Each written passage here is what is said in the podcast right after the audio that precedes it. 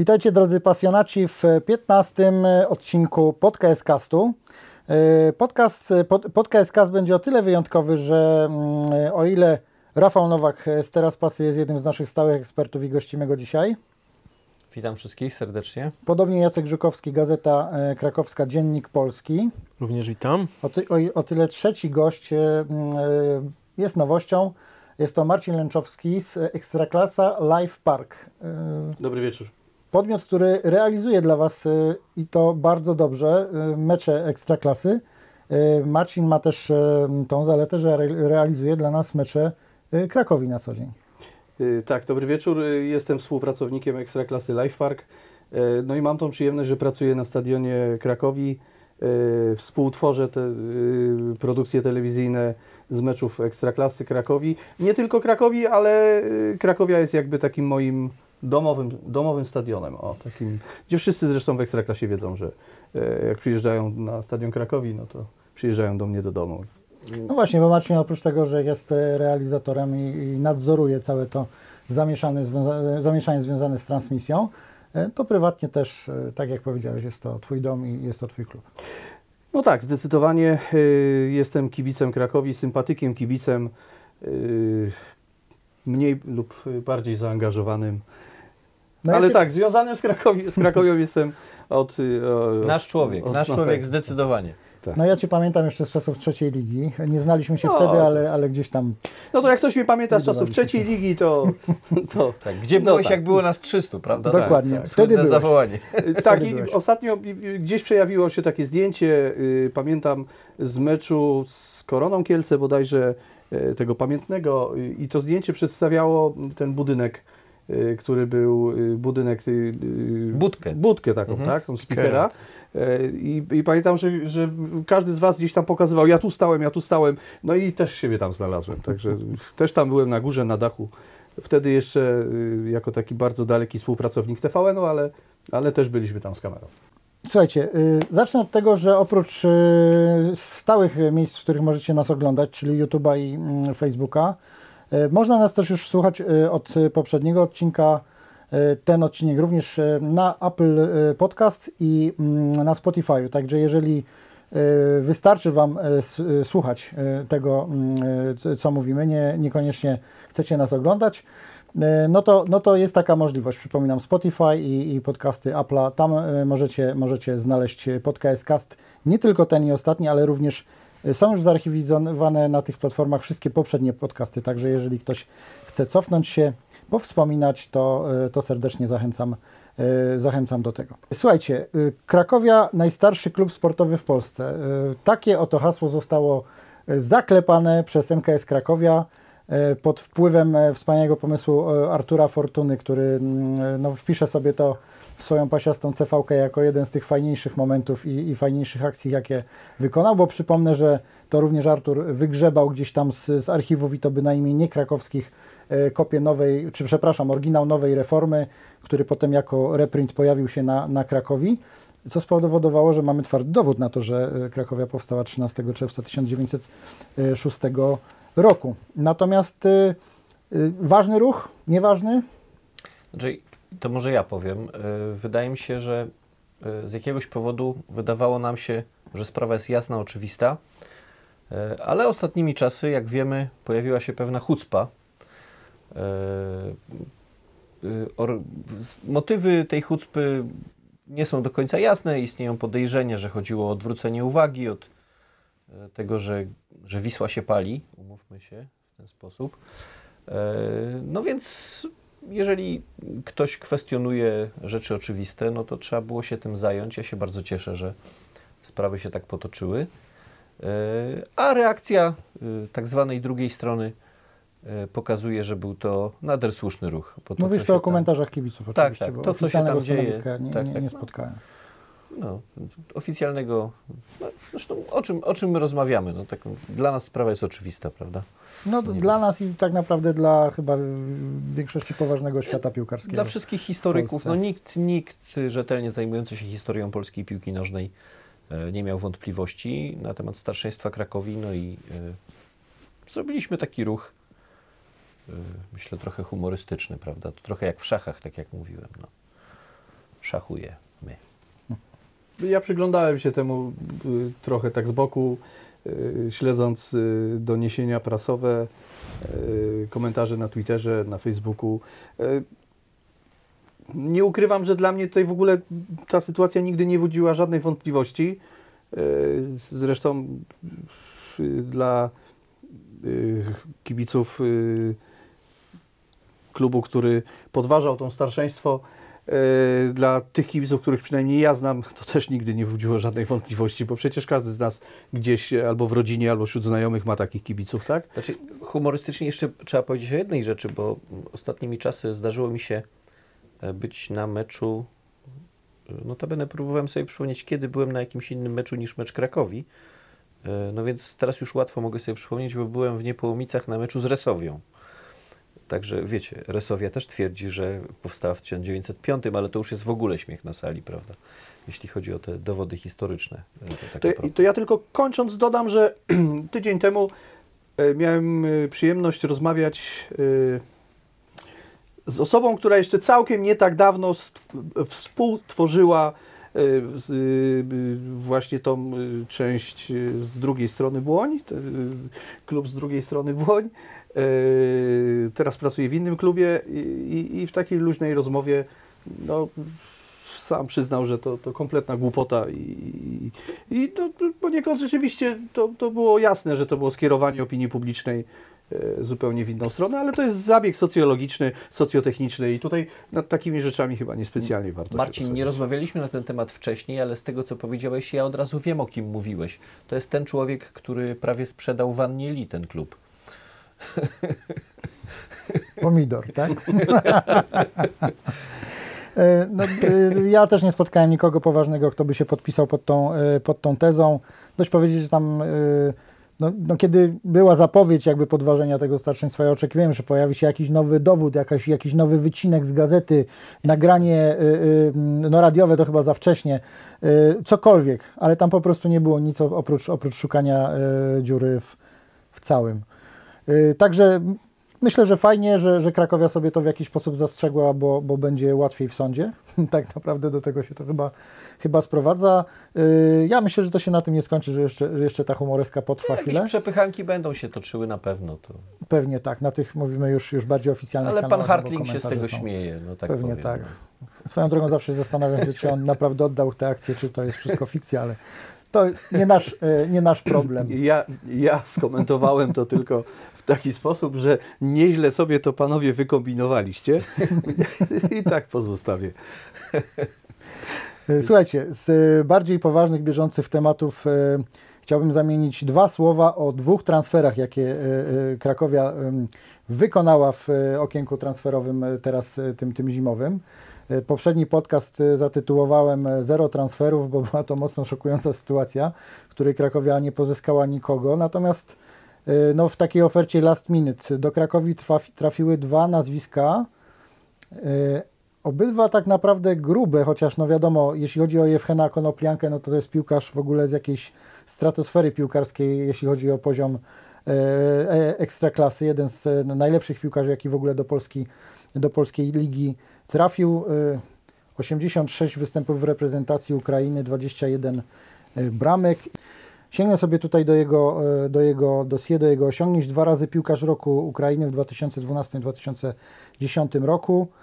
Zawodnik, no, zawodnik roku w Dnipro mm, w, w sezonie 13-14. e, Mistrz Ukrainy z Szachtarem Donieck i mm, zdobywca Ligi Europy z FC Sevilla. No i tu długo by można wymieniać, jeśli chodzi o kluby. E, No to FC Sevilla, Szalkę, Dnipro, e, Szachtar Donieck, no i, no i Krakowia. W Transfer Market tutaj wycenia go na, na 1,5 miliona euro. Wybitny, wybitny zawodnik. Na razie na boisku jeszcze tego nie pokazuje, natomiast no, chyba to jest taki piłkarz, wokół którego można by budować tą drużynę. Na pewno, no na pewno jest to transfer większy. No, Krakowia nie zrobiła nigdy większego transferu niż, niż, niż, niż ten piłkarz i mm, on ma w klauzuli y, zapis o przedłużeniu tego, y, tego krótkiego na razie mm, do końca sezonu y, transferu i myślę, że, że Krakowia z tego skorzysta. No i on będzie miał szansę rzeczywiście się wdrożyć w tą drużynę i, no i pokazać, bo widać, że to jest, to jest piłkarz, który ma umiejętności. Z różnych względów jeszcze tego nie pokazał. Wiadomo, długo nie grał, długo nie trenował.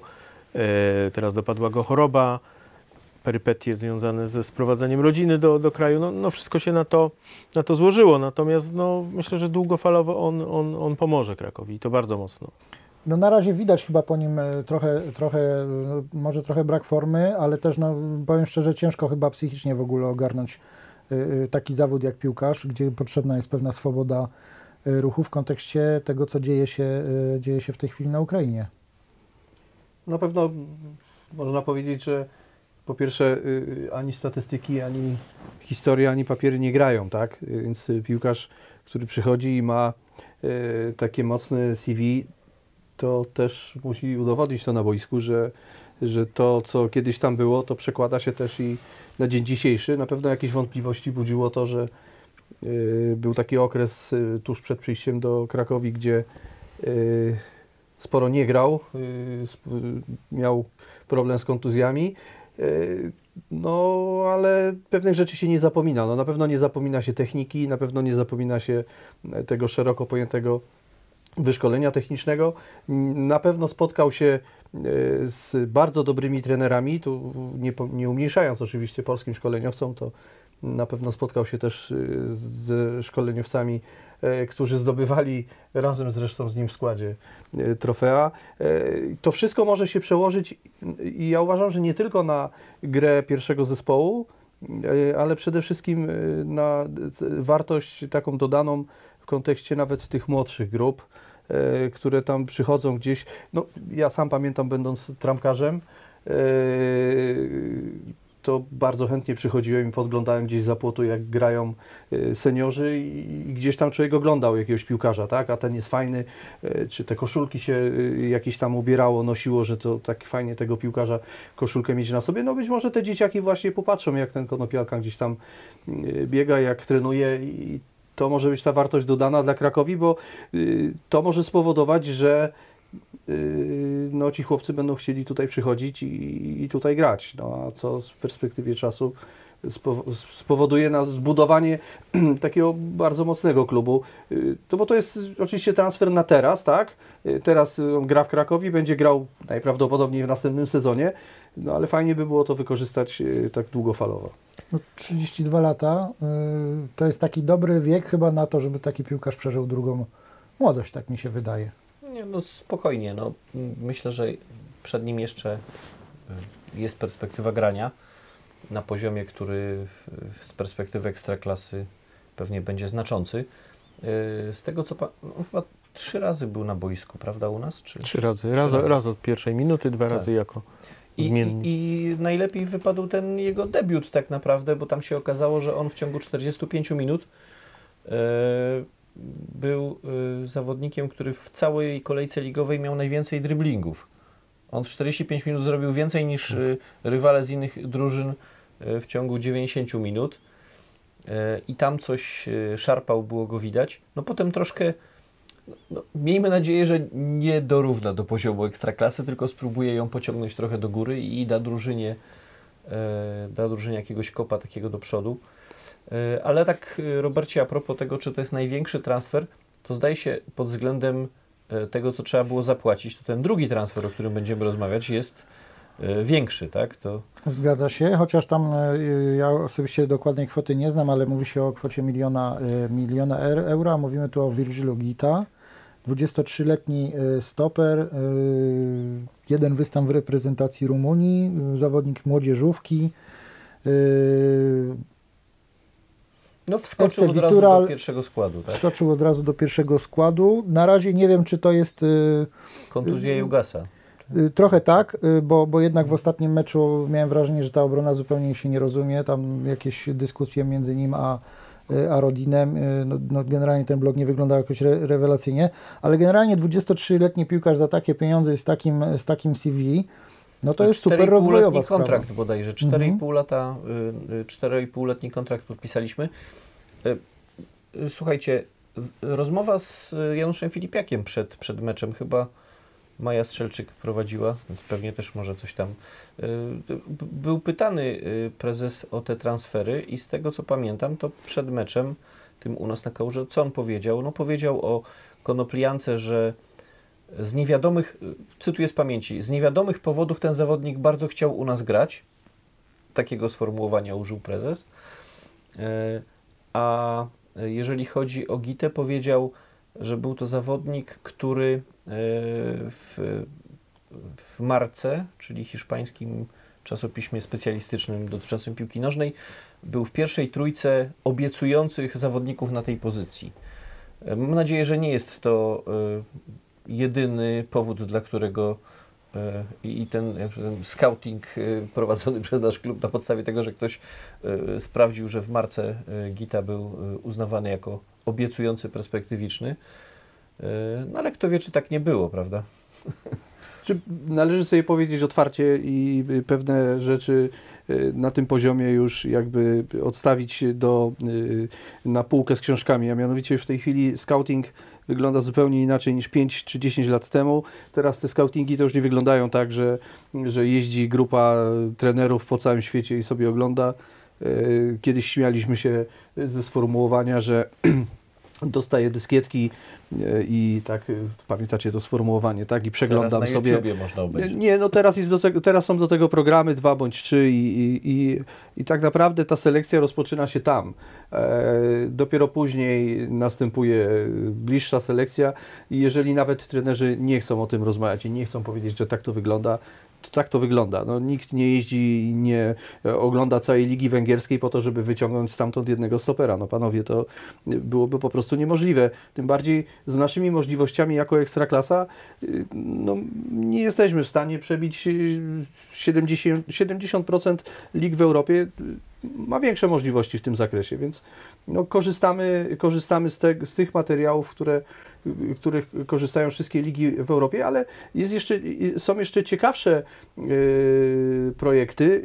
Ostatnio, ostatnio okazało się, że y, też są y, coś takiego prawie, że jak aukcje piłkarzy na internecie. Nie pamiętam jak nazywa się ten program, ale okazało się, że, że sześć klubów ekstraklasy jest bardzo mocno zainteresowanych współpracą właśnie na tym poziomie. Między innymi jest tam też i Krakowia.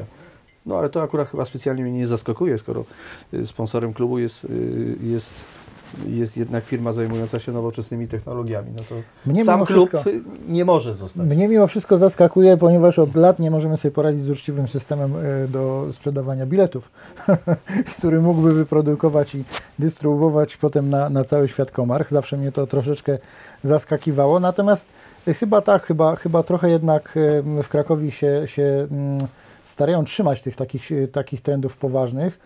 Czego może właśnie efektem są, są, są te dwa transfery. No, no, no, y, bo powiedzmy sobie, obydwa są, y, są grube, niezależnie od tego, czy popatrzymy na kwotę, czy, na, y, czy popatrzymy na mm, y, ciężar gatunkowy piłkarza, jaki się w Krakowi pojawił. Aczkolwiek zapewne, przepraszam, że wejdę w słowo, y, wielu kibicom Krakowi gdzieś tam się pewnie zapala taka lampka ostrzegawcza, że y, takie perełki to my już mieliśmy i jak kończyły to wiemy.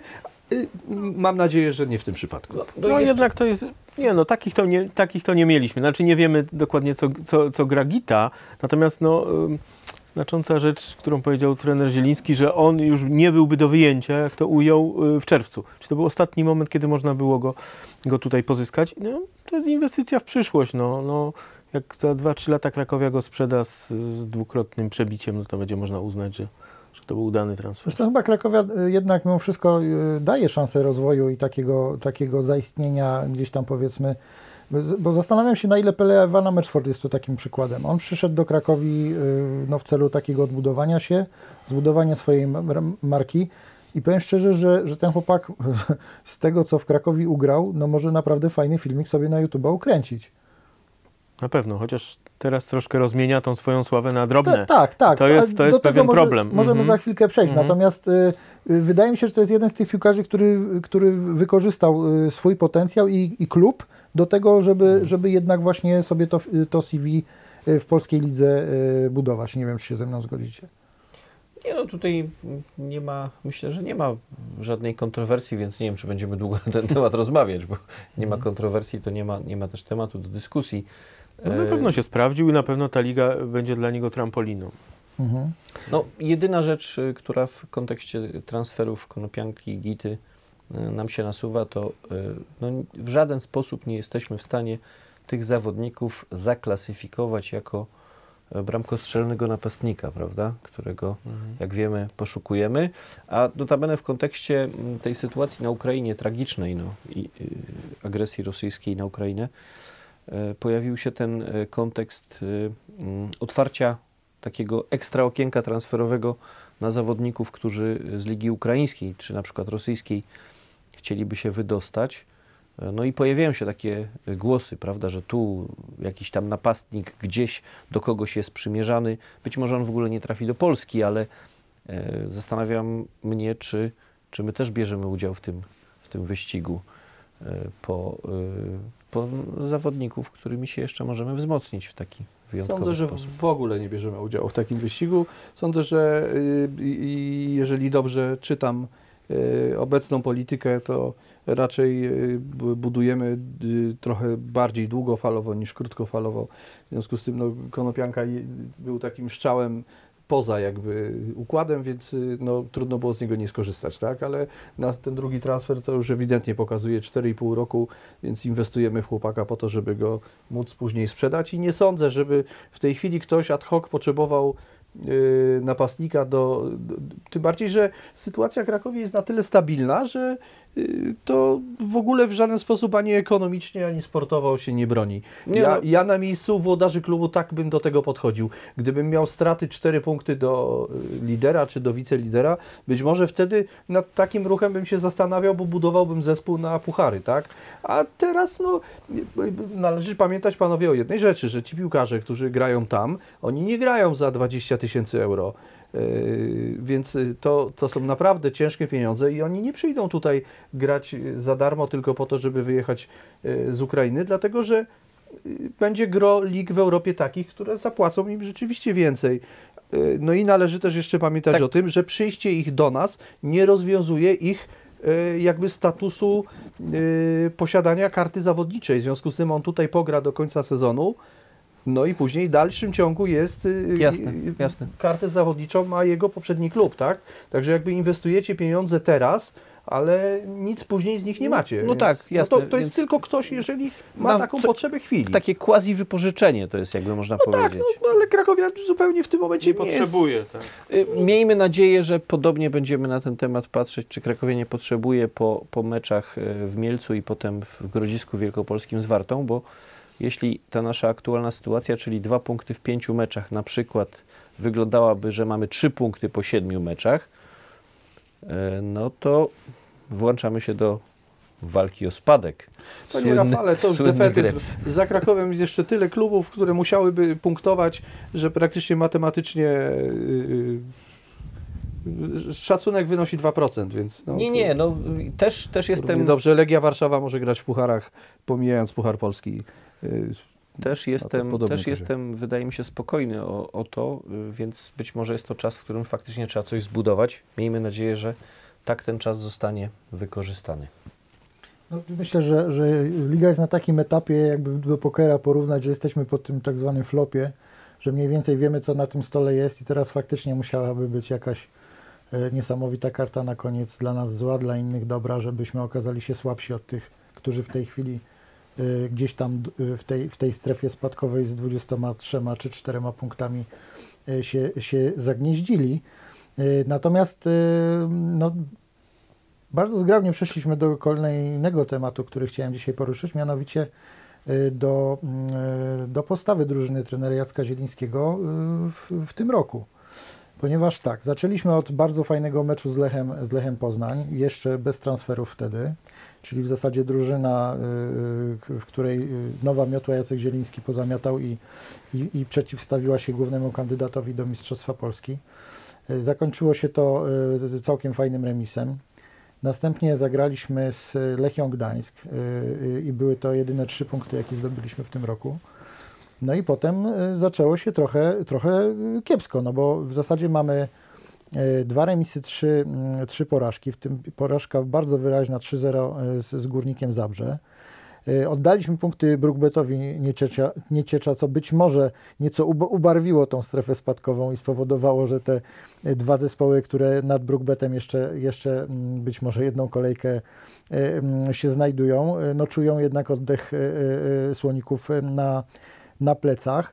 Natomiast no, mnie się wydaje, że jednak tutaj e, no, musimy zacząć grać w tą piłkę, abstrahując od tych wszystkich covidów i in, innych rzeczy, bo to są rzeczy, które do, dotyczą e, praktycznie każdego zespołu w Ekstraklasie. Każdy może mieć, e, mieć taki problem. Czemu ta nowa miotła w postaci trenera Jacka Zielińskiego tak, tak szybko przestała wymiatać? To jest ciekawe pytanie. No, na pewno tutaj y, głównym, w głównej mierze jest fakt, że no, Krakowia nie strzela bramek, prawda? Bo nie ma, nie ma napastnika. Nie miała go, oczywiście, nie miała go od początku bramkostrzelnego napastnika, no bo nazwiska były. Natomiast ci piłkarze nie spełniali w ogóle żadnych oczekiwań. No ale sytuację ratował Pele ośmioma bramkami, a w tej chwili Pele ma 9 meczów bez, z rzędu bez, bez strzelonej bramki. Oczywiście on był ustawiany teraz wiosną na innej pozycji, na, na, na takiej, na której on po prostu nie, no, trudno powiedzieć, nie potrafi, no bo to jest dobry piłkarz, ale on nie czuje się tak dobrze jak, jak, jak y, na poprzedniej, kiedy on był rozgrywającym, kiedy on był motorem tej drużyny. Ustawianie go na szpicy, na, jako, jako ta dziewiątka, najbardziej wysunięty piłkarz, no, no nie, zdaje, nie, zdaje, nie zdaje egzaminu. Wprawdzie w dwóch ostatnich spotkaniach on znowu jakby wrócił do, do środka, ale, ale no gdzieś zatracił kompletnie tą, e, tą skuteczność. No to z przodu biega bardziej Myszor i, w i tej chwili Rakoczy. tak, y, w tej chwili. Natomiast ja się zastanawiam, czemu Pele tak zjechał, y, bo to może to jest pozycja, nie wiem, może oszczędza nogi, bo, bo no nie ma jeszcze nowego kontraktu i nie do końca słychać o tym, żeby on tam miał jakąś dobrą ofertę, mimo tego, że uważam, że w tej polskiej lidze pokazał się naprawdę fajnie i naprawdę no, no, jestem trochę zaskoczony, bo ze dwa, trzy odcinki temu rozmawialiśmy z obawą, czy Pele będzie, y, y, czy Krakowia będzie w stanie zatrzymać Vana Mersforta. Natomiast na dzisiaj, no to można by się zastanawiać, y, czy w ogóle jest sens. Właśnie, ale jeszcze jest kwestia taka, dlaczego Krakowie jest gorzej? No, y, zespoły, zespoły, Nie wierzę, że się po, powiedziałeś. zespoły się poznały już też na, na tej taktyce no, nowej Krakowi. Z trzema, z trzema środkowymi, dwoma wahadłowymi, no już łatwiej jest rozczytać tą Krakowię. A jeszcze kiedy kilku piłkarzy jest pod formą, no to, no to efekty mamy jakie mamy. A propos y, tego, czy łatwiej jest rozczytać Krakowie, to e, w, w takim łączeniu z, z, z, z takim formatem Weszło Polscy, robiony przez e, Weszło, tak? E, Kamil Pestka udzielił takiej odpowiedzi, która później była przepisywana w różnych serwisach i portalach, ale źródło to było, była właśnie rozmowa z Kamilem Weszło Polskich na pytanie, czym się różni to granie u probierza i czym się różni y, granie u Zielińskiego, to on powiedział, że e, w, u Michała Probierza drużyna była bardziej sztywna, związana schematami rozgrywania w, w ofensywie i powiedział, że mieliśmy takich sześć sztywnych schematów, a u trenera Zielińskiego jest większa swoboda, więc to by trochę się kłóciło, Jacku, z twoją tezą, że teraz jesteśmy bardziej rozczytani.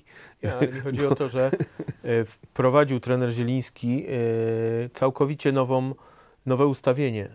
I to zagrało w meczu z Legią, z Rakowem i tak dalej. No, natomiast no, im, im więcej tych meczów Krakowia gra tym samym ustawieniem, no po prostu była łatwa już do, do rozgryzienia. No, no, to miałem Ja- na myśli. No. Ja przepraszam, zaryzykuję stwierdzenie i zaryzykuję taką daleko idącą tezę, że y, Lubimy takie tutaj. to nie jest żadna nowość w ustawieniu zespołu.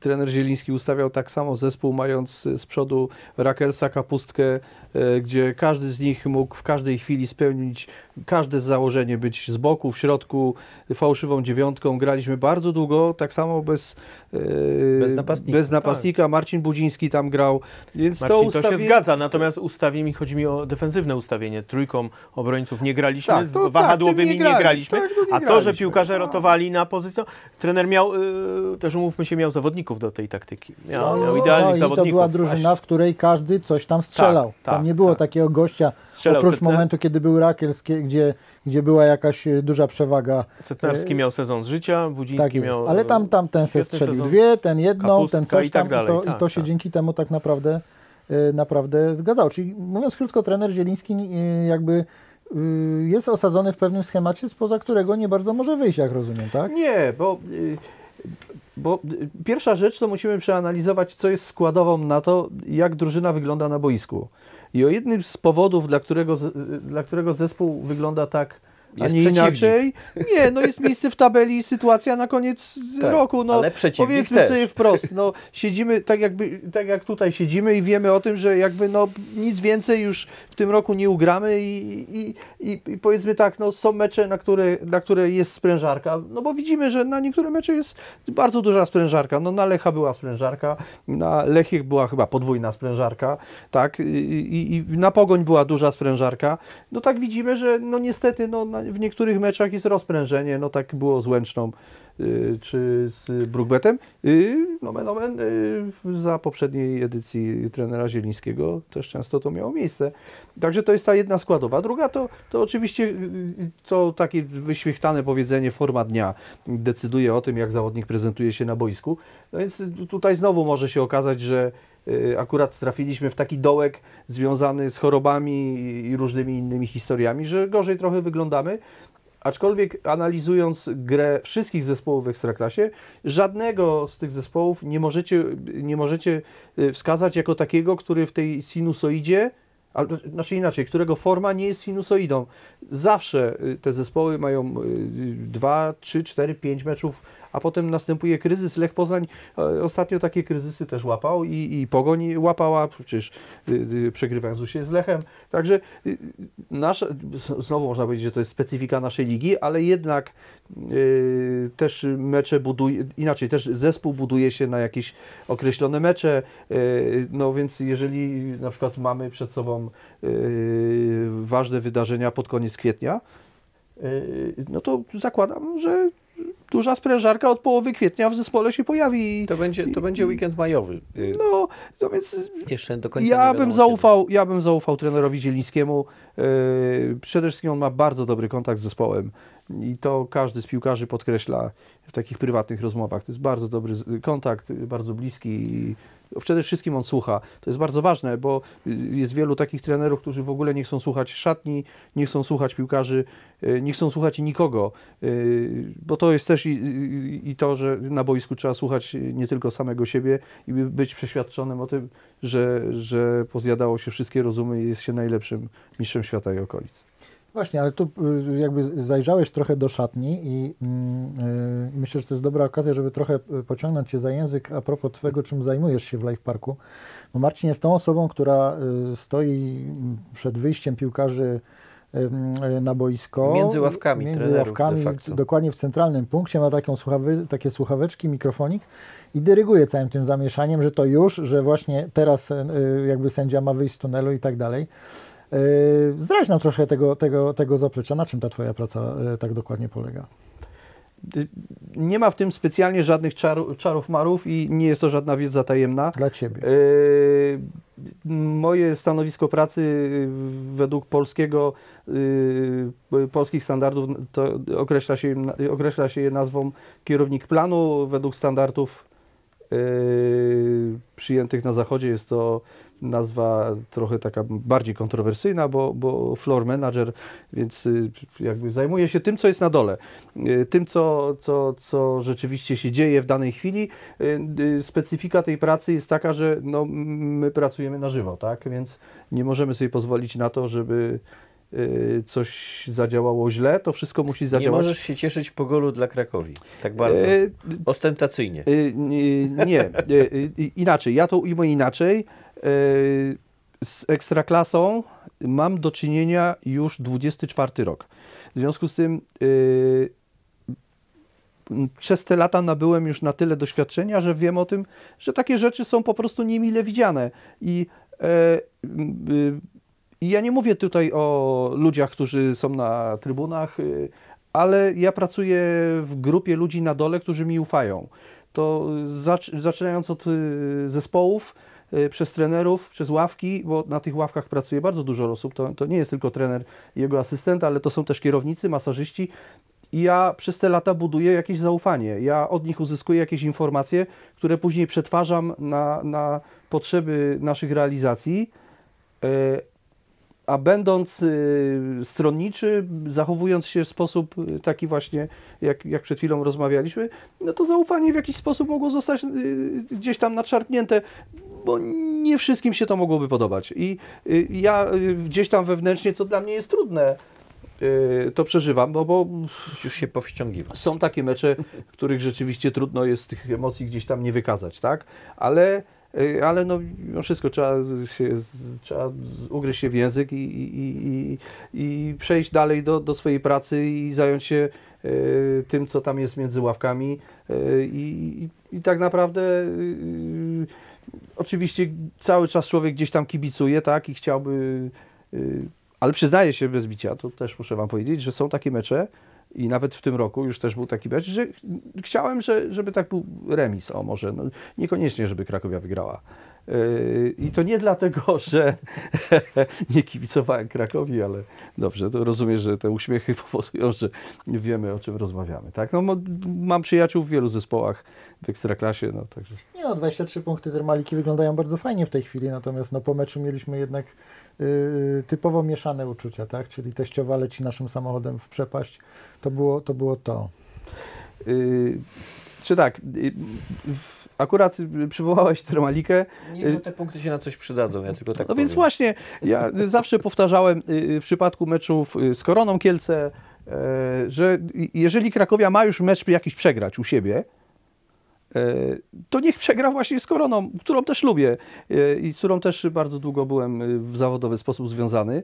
Nie, że pracowałem w Koronie, ale pracowałem przy realizacji programów właśnie ze stadionu Korony Kielce, więc tam też od, y, od sprzątaczki po samego prezesa znałem wszystkich i, i też w jakiś sposób utożsamiałem się z tym klubem. Dlatego mówiłem, że jak Krakowia ma wygrać w Kielcach, to się bardzo będę z tego cieszył, ale jak Korona wygra w Krakowie, to, y, to też nie będę mówił, że to straszna rzecz się stała, bo wiem, że wszystkich meczów się po prostu wygrać nie da, tak? W związku z tym, no, jak już mamy przegrywać, no to przynajmniej z takimi zespołami, które darzę sympatią. Marcin, to może jeszcze jakaś anegdota z tego, co, co widzisz z poziomu murawy, czego na przykład nie pokazały kamery, bo to się pewnie czasami tak zdarza, że niektóre rzeczy później pokazują kamery, co się działo na ławkach, ale, ale na pewno jest coś takiego ciekawego, na przykład może coś z ostatnich rzeczy albo jakichś takich, co... Znaczy, y, takich anegdot jest bardzo dużo i takich historyjek jest bardzo dużo. Y, zapewne moglibyśmy następnych 15 odcinków tych podcastów tutaj nakręcić. Będziemy coś kombinować. Ale są też, y, są też takie historie, które no niestety muszą zostać y, w czterech ścianach, tak? Y, Ale, y, ale jedną z nich bardzo chętnie przytoczę, y, y, bo y, osobami, z którymi najczęściej pracuję w trakcie realizacji z meczów Ekstraklasy, to są sędziowie i ja z tymi ludźmi bardzo dużo czasu spędzam w ich pomieszczeniu, przed meczem, y, w trakcie meczu, po meczu. Y, Mamy ze sobą kontakt stały y, i on przez tyle lat tej współpracy bardzo często przeradza się w takie relacje bardziej prywatne już nawet. Nie ukrywam, że no, dzwonimy do siebie w imieniny, czy wysyłamy do siebie urodzin, y, świąteczne życzenia. No, po prostu traktujemy się jako nawet czasami bliscy koledzy. Y, I był kiedyś taki mecz, y, zapewne jak powiem, który, to wszyscy już będą wiedzieli jaki. Ale dobrze, no to pobawmy się, że, że zostawimy to w takich niedomówieniach. Ale w którym Krakowia straciła bramkę, bardzo ważny dla kibiców Krakowi mecz. I Krakowia już straciła wiadomo, bramkę. Przecież to już wiadomo, od razu wiadomo, o I, czym I mówisz. pamiętam później... No i co Stefański na to? Nie, nie, nie, nie mówię, nie mówię o, o sędzie Stefańskim. I pamiętam później nawet jeszcze w, internecie pojawiały się zdjęcia tego sędziego w koszulce Wisły. E, tak. No mówimy tutaj o derbach, e, gdzie, gdzie e, przy pierwszej bramce dla Wisły sędzia miał, no, był nawet wzywany do oglądania e, tej bramki e, przed monitorem VAR. E, Komentatorzy w trakcie realizacji byli pewni na 100%, że ta bramka nie zostanie uznana, a bramka została uznana, tak? I Krakowia przegrała ten mecz 3 do 2. E, No cóż, no, ja przyznam się szczerze, nie byłem wtedy osobiście na stadionie, ani nie, nie byłem, oglądałem ten mecz w samochodzie akurat, stojąc gdzieś z boku na parkingu, bo, bo byłem gdzieś w, w drodze. I przy trzeciej bramce wyłączyłem telefon i wkurzony pojechałem dalej. Jak przyjechałem do domu, to trochę emocje opadły, jak usłyszałem, jaki był wynik końcowy, bo, bo on aż tak straszny nie był jak ten początek. Ale do czego zmierzam? E, Anegdota polega na tym, znaczy anegdota, taka drobna historyjka, że e, dwa tygodnie później spot, spotkałem się z tym sędzią e, na meczu Krakowi zresztą, bo pracował jako war na meczu Krakowi. Y, No i z takim uśmiechem mówię do niego, no, no i co masz mi do powiedzenia, tak? No a on do mnie mówi, no to powiedz mi byku, jak ty to widzisz. No, ja mu powiedziałem, że to, ja nie mam wątpliwości co do tego, jaka powinna być decyzja, bo, bo, bo oglądałem to 100 tysięcy razy i wiem, że, że no, inna niż podjąłeś. No. E, no i on tak patrzył się na mnie i mówi, wiesz co, po tych dwóch tygodniach powiem ci, teraz ja już wiem, że tak. Yy, mówi, że bardzo mocno to przeżył. Yy, analizował to z wielu, yy, pod wieloma yy, kontekstami. Yy, z tym, że jego sytuacja tam na boisku jest zupełnie inna niż my, siedząc sobie tutaj przy, w ciepełku w pomieszczeniu mając multum czasu. On tam ma kilka sekund na podjęcie tej decyzji. Dociera do niego bardzo dużo bodźców. Ustalmy na wstępie, ja nikogo nie bronię tylko staram się jakby naświetlić pewną sytuację, gdzie on zdawał sobie z tego sprawę, że ten błąd się przytrafił. E, no ale cóż, no, nikt nikogo tutaj nie będzie rozstrzeliwał, a y, y, także to, to, to takie właśnie tajemnice powiedzmy tunelu, że... Marcin, a czy właśnie, czy możesz powiedzieć o tej współpracy waru z sędzią? Bo sędzia jest wzywany, ogląda, ale czy ci warowcy wyrażają swoje zdanie konkretnie do niego? Czy tylko mu pokazują obraz? No i pytanie, czy ty masz ich na słuchawkach, bo, E, bo rozumiem, Pierwsza że, rzecz, że możesz przynajmniej mieć i możesz słuchać. I Pierwsza rzecz, że nie, nie mogę ich mieć i nie chciałbym ich mieć. Yy, dlatego, że yy, dlatego, że yy, pojawiają się wtedy pojawiają się wtedy pokusy. Słuchajcie, to naprawdę trzeba mieć mocne jednak samozaparcie i takie mocną, silną wolę, żeby yy, nie dzielić się z kimś naokoło tą wiedzą, którą się ma na słuchawce, tak? W związku z tym yy, zdarzyły się mecze, gdzie przez to, że miałem otwarty, otwartą, pełną realizację, słyszałem też komunikację warowską, yy, ale świadomie gdzieś wyrzucałem ją w ogóle z głowy. Nie chciałem tego słuchać, bo yy, tak naprawdę w niczym mi to nie jest potrzebne.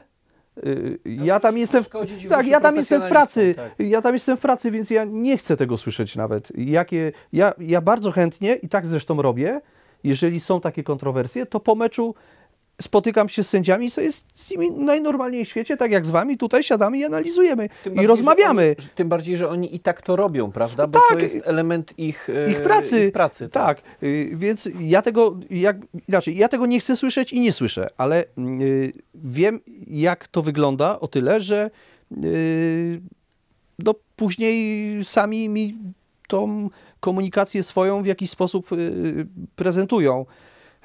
Na ile, na ile rzeczywiście ona tak wygląda w trakcie meczu, to nie wiem, nie mogę powiedzieć, bo nie słyszę tych słów, tak? Ale, ale y, już w rozmowie z y, jednym z kolegów y, dziennikarzy krakowskich po ostatnim meczu, gdzieś tam w przestrzeni publicznej pojawiły się informacje, że VAR w ogóle dysponuje jakimiś dodatkowymi kamerami, których na jednym z meczów Ekstraklasy nie było, dlatego karny gdzieś został zagwizdany, tak? Nie, y, y, VAR nie, nie, nie korzysta z żadnej innej dodatkowej kamery niż Państwo oglądacie, więc to, co Państwo widzicie y, w telewizji, y, to samo widzą sędziowie, więc... y, tylko mogą sobie to odwinąć, tak, sprawdzić tam, to nawet nie oni sobie odbijają, tak są tam pracownicy, którzy to robią, przygotowują y, na y, urządzeniu, które nazywa się IWS, y, przygotowują im y, w różny sposób, y, z różnych ujęć y, kontrowersyjną sytuację i no i tyle, no I to rysowanie linii chyba Y, też, to tak? rysowanie linii, tak, no, aczkolwiek y, y, dla wielu ekspertów i ludzi zajmujących się już produkcjami telewizyjnymi to, to jest bardziej efekt taki czysto y, wizyjny niż y, pomocniczy dla sędziów, bo y, sędziowie sami y, to w takiej każdej rozmowie to nie możecie zaprosić kiedyś tutaj. Y, Co prawda y, sędzia z drugiej strony błonie, ale Tomek musiał chętnie by wam też powiedział parę rzeczy. Bardzo, bardzo sympatyczny człowiek. Słuchaj, ten temat waru jest bardzo interesujący, bo to jest, y, to jest taki element, który w piłce nie istnieje od zawsze, natomiast ja dzisiaj sobie nie wyobrażam meczu bez waru. To jest tak pożyteczne i użyteczne narzędzie, że był chyba jakiś pucharowy mecz, nie wiem czy ze Stredą przypadkiem nie było tak, że nie było waru. Nie było. I, i no ja się czułem nieszczęśliwy, że ten sędzia nie może swojej decyzji No, e, w jakiś sposób e, z, prawda, e, no. zweryfikować. E, Więc, więc dopytam Cię jeszcze o, o taki szczegół na przykład, bo czasem tam jest podgląd jakby na to, co ten sędzia widzi na tym warze. Czy on może sobie wybrać konkretną sekwencję z konkretnej kamery, czy obligatoryjnie jest na przykład powiedziane, że ma sobie tą sytuację, jeżeli już podbiegnie do tego monitorka i włoży, że tak powiem, głowę pod tą ceratę, jak to ktoś ostatnio powiedział, czy on na przykład dostaje konkretny pakiet, y, cztery ujęcia z czterech kamer i na tej podstawie musi tą decyzję podjąć, czy on, y, czy on jakby mówi, dajcie mi jeszcze trójkę na przykład raz, tam w zwolnionym tempie od tyłu, y, na przykład, nie wiem, tam na jakimś tam kropie.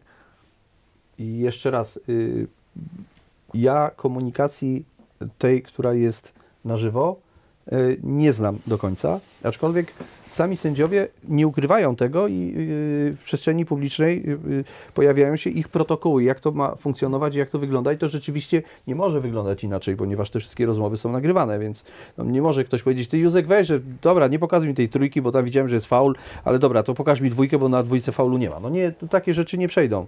E, tym bardziej, że to, to parę osób innych też widzi. No to y, y, sędziowie, w ogóle na czym polega ta idea VAR? Y, To, to znowu, y, to jest to, co ja sędziom też często powtarzam. Y, Po meczach, czy, czy gdzieś jak spotykamy się nawet na mieście. Mówię, dlaczego nikt do końca nie przedstawi, jak to wygląda od A do Z?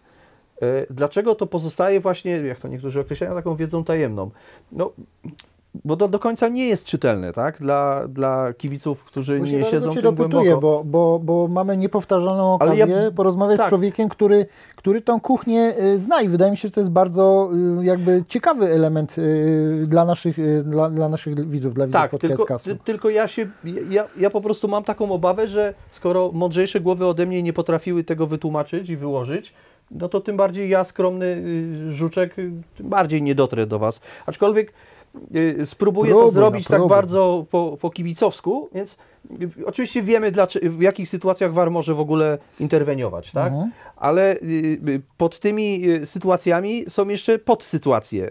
W związku z tym y, można wykorzystać te cztery sytuacje, ale jakby od innej strony. No to poczekaj, usystematyzujmy to dla przeciętnego kibica y, Krakowi. W jakich sytuacjach y, można użyć waru? To znaczy tak, VAR jest obligatoryjnie y, sprawdza y, bramkę, tak? To jeżeli pada bramka, no to od, y, to od momentu tak, zwanego, tak zwanej ofensywnej, od momentu, kiedy akcja jest, przechodzi do, do tej części ofensywnej, od tego momentu jest sprawdzana jej, jej poprawność, tak? To Czyli jest, tam- to jest ważna Czyli, informacja. nie, moim czyli wystarczy, że tam naprawdę na chwilę obrońca przejmie piłkę i ta część, gdzie nawet już był faul wcześniej, to już jest kasowana. Mhm. Już nie można się do tego wrócić.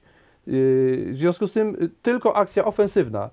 Yy, I, I tak Rzut naprawdę. karny i czerwona kartka. Tak, i, no ale tu kończąc tą bramkę, bo czasami ktoś, ktoś tam mówi, ale tam był faul jeszcze na bramkarzu, tak?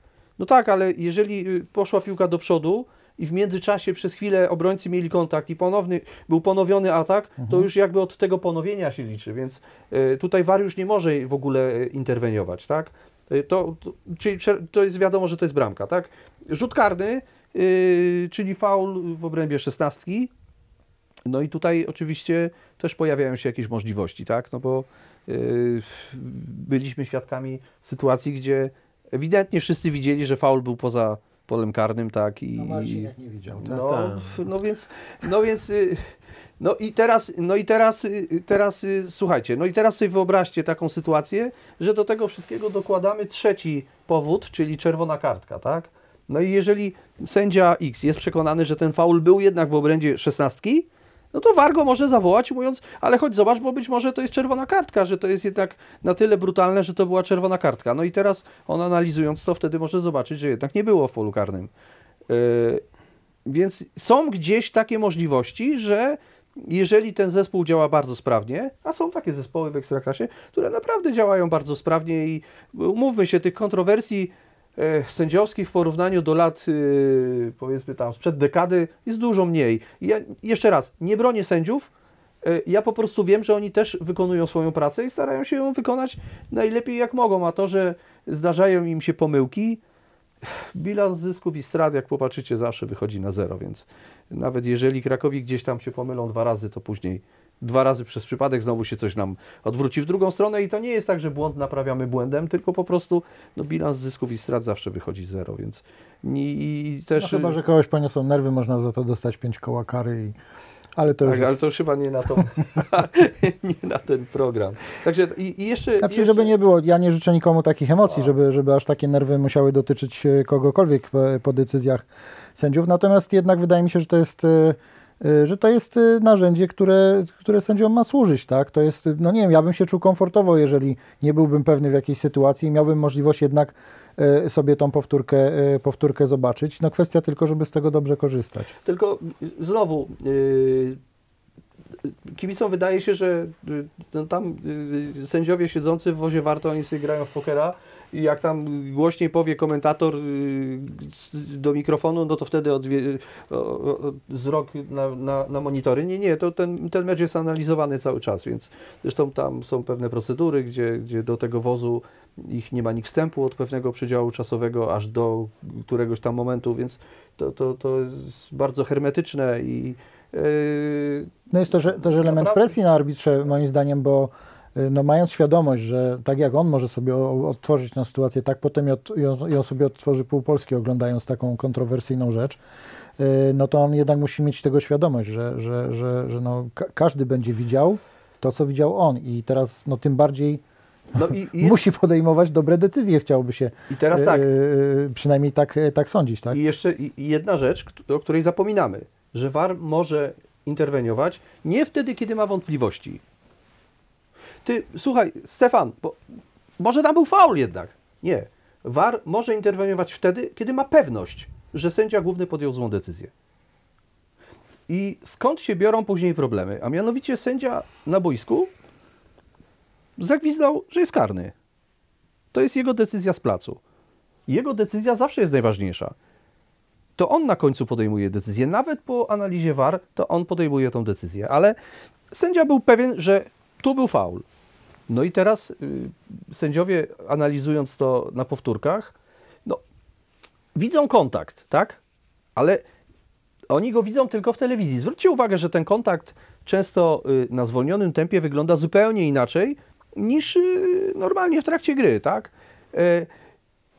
No i oni nie mogą mu powiedzieć, ty słuchaj, wiesz co, no ale nam się wydaje, że jednak nie. Nie, oni, jeżeli chcą podważyć jego decyzję, muszą powiedzieć na 100% nie. No w pierwszej kolejności liczy się decyzja z boiska i tylko... Ale nie, to o to chodzi, że to musi być stuprocentowa pewność. Tak, ale Gdzieś jeszcze czasami to funkcjonuje nie do końca dobrze, bo jest to podważanie, 105-minutowe oglądanie powtórek, to znaczy, że mamy wątpliwości. VAR powinien działać bez wątpliwości. Tak, ale zmierzam do tego, że myślę, że większym problemem raczej mm, jest y, medialność pewnego wydarzenia, bo warto zwrócić uwagę na rzecz, która tak wszystkim uciekła, prawda? Graliśmy w poniedziałek z Niecieczą, no i druga bramka strzelona ze spalonego. y, Sędzia podniósł chorągiewkę, przypomnę. Było to analizowane, no i puścili grę i uznali gola dla Niecieczy, a potem tu wielki ukłony dla Filipa Surmy. On to w Ekstraklasie po godzinach pokazał i, i, i sprawa jakby wypłynęła, a przecież można byłoby to zamieść pod dywan. No ale przecież y, nie była to kwestia jakoś tak bardzo medialna, no to tam Krakowia by zremisowała z Niecieczą. Ale y, bo ja nie bardzo wiem, jak można się do tego odnieść, bo do takich sytuacji. Znaczy, to chyba jest tylko jakby yy, Oglądając- a- asumptem do tego, co powiedziałeś wcześniej, że suma zysków, strat zwykle Tak. wychodzi na zero globalnie. bo może Yy, I w dzisiejszych czasach raczej to są, jeśli, jeśli się pojawiają kontrowersyjne decyzje, to raczej trzeba patrzeć tutaj yy, na szczęście na, na poziomie jakiegoś błędu ludzkiego, ani jakiejś premedytacji, wydaje mi się. No to już nie są takie czasy, gdzie, gdzie się po prostu te mecze drukowało w jakiś ordynarny sposób. Teraz no myślę, że nawet jeśli się dzieją takie rzeczy, no to jest to zdecydowanie trudniej zrobić przy, teraz, teraz przy waszych realizacjach. I teraz y, y, y, powiem jeszcze trzy rzeczy ważne. A mianowicie pierwsze, że to jest właśnie pe pewien element w ogóle całego widowiska, więc jakby to, co powiedziałeś, ten war, to oglądanie, to, to, to, rzeczywiście jest pewien element widowiska i między innymi firma, dla której ja pracuję, której jestem współpracownikiem, odpowiada za to, żeby dla widza siedzącego przed telewizorem y, ten produkt był coraz fajniejszy, ładniejszy, lepszy e, i taki y, bardziej y, do oglądania, tak? Bo zwróćcie uwagę, jeżeli macie taką możliwość, żeby oglądnąć produkty z innych lig, ja nie mówię o ligach topowych w Europie, ale zwróćcie sobie uwagę na realizację meczów w Czechach. Zwróćcie sobie uwagę na realizację meczów na Węgrzech. To porównujmy y, poziom, tak? Bo do Bundesligi, aczkolwiek, przepraszam, bo jeżeli chodzi o Bundesligę, to uważam, że wcale, wcale ta realizacja to nie mamy się czego uczyć. Yy, uważam, że naprawdę te mecze pokazywane w Polsce są yy, yy, bardzo fajnie. Nie, no ja myślę, że nasza ekstraklasa Druga rzecz- świetnie wygląda w telewizji. Jeśli pozwolisz, że skończę. Druga rzecz mm, to jest taka, że nie zapominajmy o jednej rzeczy, że sędziowie pochodzą też z różnych miast, tak? I bardzo często ci sędziowie też gdzieś tam komuś kibicują, no bo przecież oni są związani ze sportem. No Nie trudno powiedzieć, to. że Tomek Musiał y, jest zupełnie, ma ambiwalentny stosunek do tego, że, y, że w Krakowie jest, y, jest, że jego tata gdzieś pracował, czy, no umówmy się, no przecież to jest normalna rzecz, że są sędziowie z Łodzi i że jeden nie kibicuje UKS-owi, a drugi Widzewowi, a nawet nie kwestia kibicowania, tylko takiej, takiej sympatii, tak? No i teraz y, weźcie pod uwagę to, że takie rzeczy też trzeba umieć gdzieś tam schować, tak? Znaczy ja nie wierzę, że y, sędzia zaryzykowałby y, swoją karierę, bo przecież jest oceniany. No, ale ja tylko mówię to w tym kontekście, że, że właśnie o to chodzi, że, że y, g- pojawiają się właśnie takie opinie, a bo ten jest z Łodzi, to na pewno nam będzie źle kibicował, bo, bo, bo on to chyba jest przychylny, przychylny Widzewowi, no to on to raczej nas nie lubi, tak. Nie, to, to zupełnie tak nie działa. To, to można sobie o takich rzeczach porozmawiać gdzieś tam yy, w knajpie przy piwie, e, a tam przyjeżdżamy wszyscy y, i, i piłkarze, i sędziowie, i my przyjeżdżamy zrobić swoją pracę, tak? I e, oni też e, przyjeżdżają ją zrobić. Zdarzają mi się błędy, no ale to jest też efekt, albo inaczej, no to jest ta część tego widowiska też, no to, to, to, to też powiedzieliśmy, a że te narzędzia mają coraz lepsze do pracy, to tylko dobrze, bo e, dzięki temu tych błędów jest, jest mniej i kończąc jakby powiem jeszcze o tym, co powiedziałeś, że były błędy na przykład w meczu z Niecieczą, ale zapominamy bardzo często, kiedy to błędy przy, przytrafiały się arbitrom e, w naszą stronę i a tu też trzeba powiedzieć, że to też nie jest tak, że w naszą stronę to tak bezbłędnie ktoś gwizdał. No, zdarzało się, że, że i my też byliśmy beneficjentami pomyłek sędziowskich, no i no taki, tak, tak ten futbol jest skonstruowany. W Wimbledonie e, nigdy nie będzie zainstalowana kamera, e, która mierzy... Hawkeye. No właśnie, no nigdy nie, bo, bo Wimbledon twierdzi, że to ma być sędzia, jest ten czynnik sędziowski, no i koniec, no. No, zobaczymy. Tak, wysłuchaliśmy człowieka, który y, personalnie odpowiada za obniżenie frekwencji na stadionach Ekstraklasy, ponieważ robią to faktycznie tak dobrze, że, że wiele osób zostaje w domu, na przykład mój tata często tak robi, chociaż bierzemy poprawkę na, na, na jego wiek, tak, że woli sobie obejrzeć, bo tam mu wszystko pokażą i, i, i z detalami. i Sugerujesz, tak że jest to czynnik y, mający większe znaczenie, jeśli chodzi o frekwencję, niż petardy hukowe? Tak. Uważam, y, uważam, y, uważam, że tak. Ponieważ jeżeli już pijemy do petard hukowych, przynajmniej na stadionie Krakowi jest to tak incydentalne w ostatnim czasie, że, że mm, no, no na pewno kogoś zniechęca, mówiąc poważnie. Natomiast y, to, w jaki sposób oni pokazują tą ekstraklasę, to faktycznie uważam, że, y, że może wiele osób skłonić do tego, żeby zostać w domu i spokojnie sobie. Sugerujesz, że to przypadek, że prezentacja nawołująca kibiców do przyjścia na stadion zbiegła się właśnie z tym wydarzeniem? Przecież to jest tak, że czasem y, niekoniecznie te same osoby ciągną wózek w tą samą, w tą Czyli samą przypadek. stronę. Być, myślę, że, myślę, że tak. Podobnie było, nie wiem czy pamiętasz, to był, był taki fantastyczny mecz derbowy y, 13 grudnia rozgrywany, podczas którego y, była jedna z najbardziej moim zdaniem em- emocjonalnych i trafionych y, opraw y, dotyczących kopalni, y, kopalni Wujek.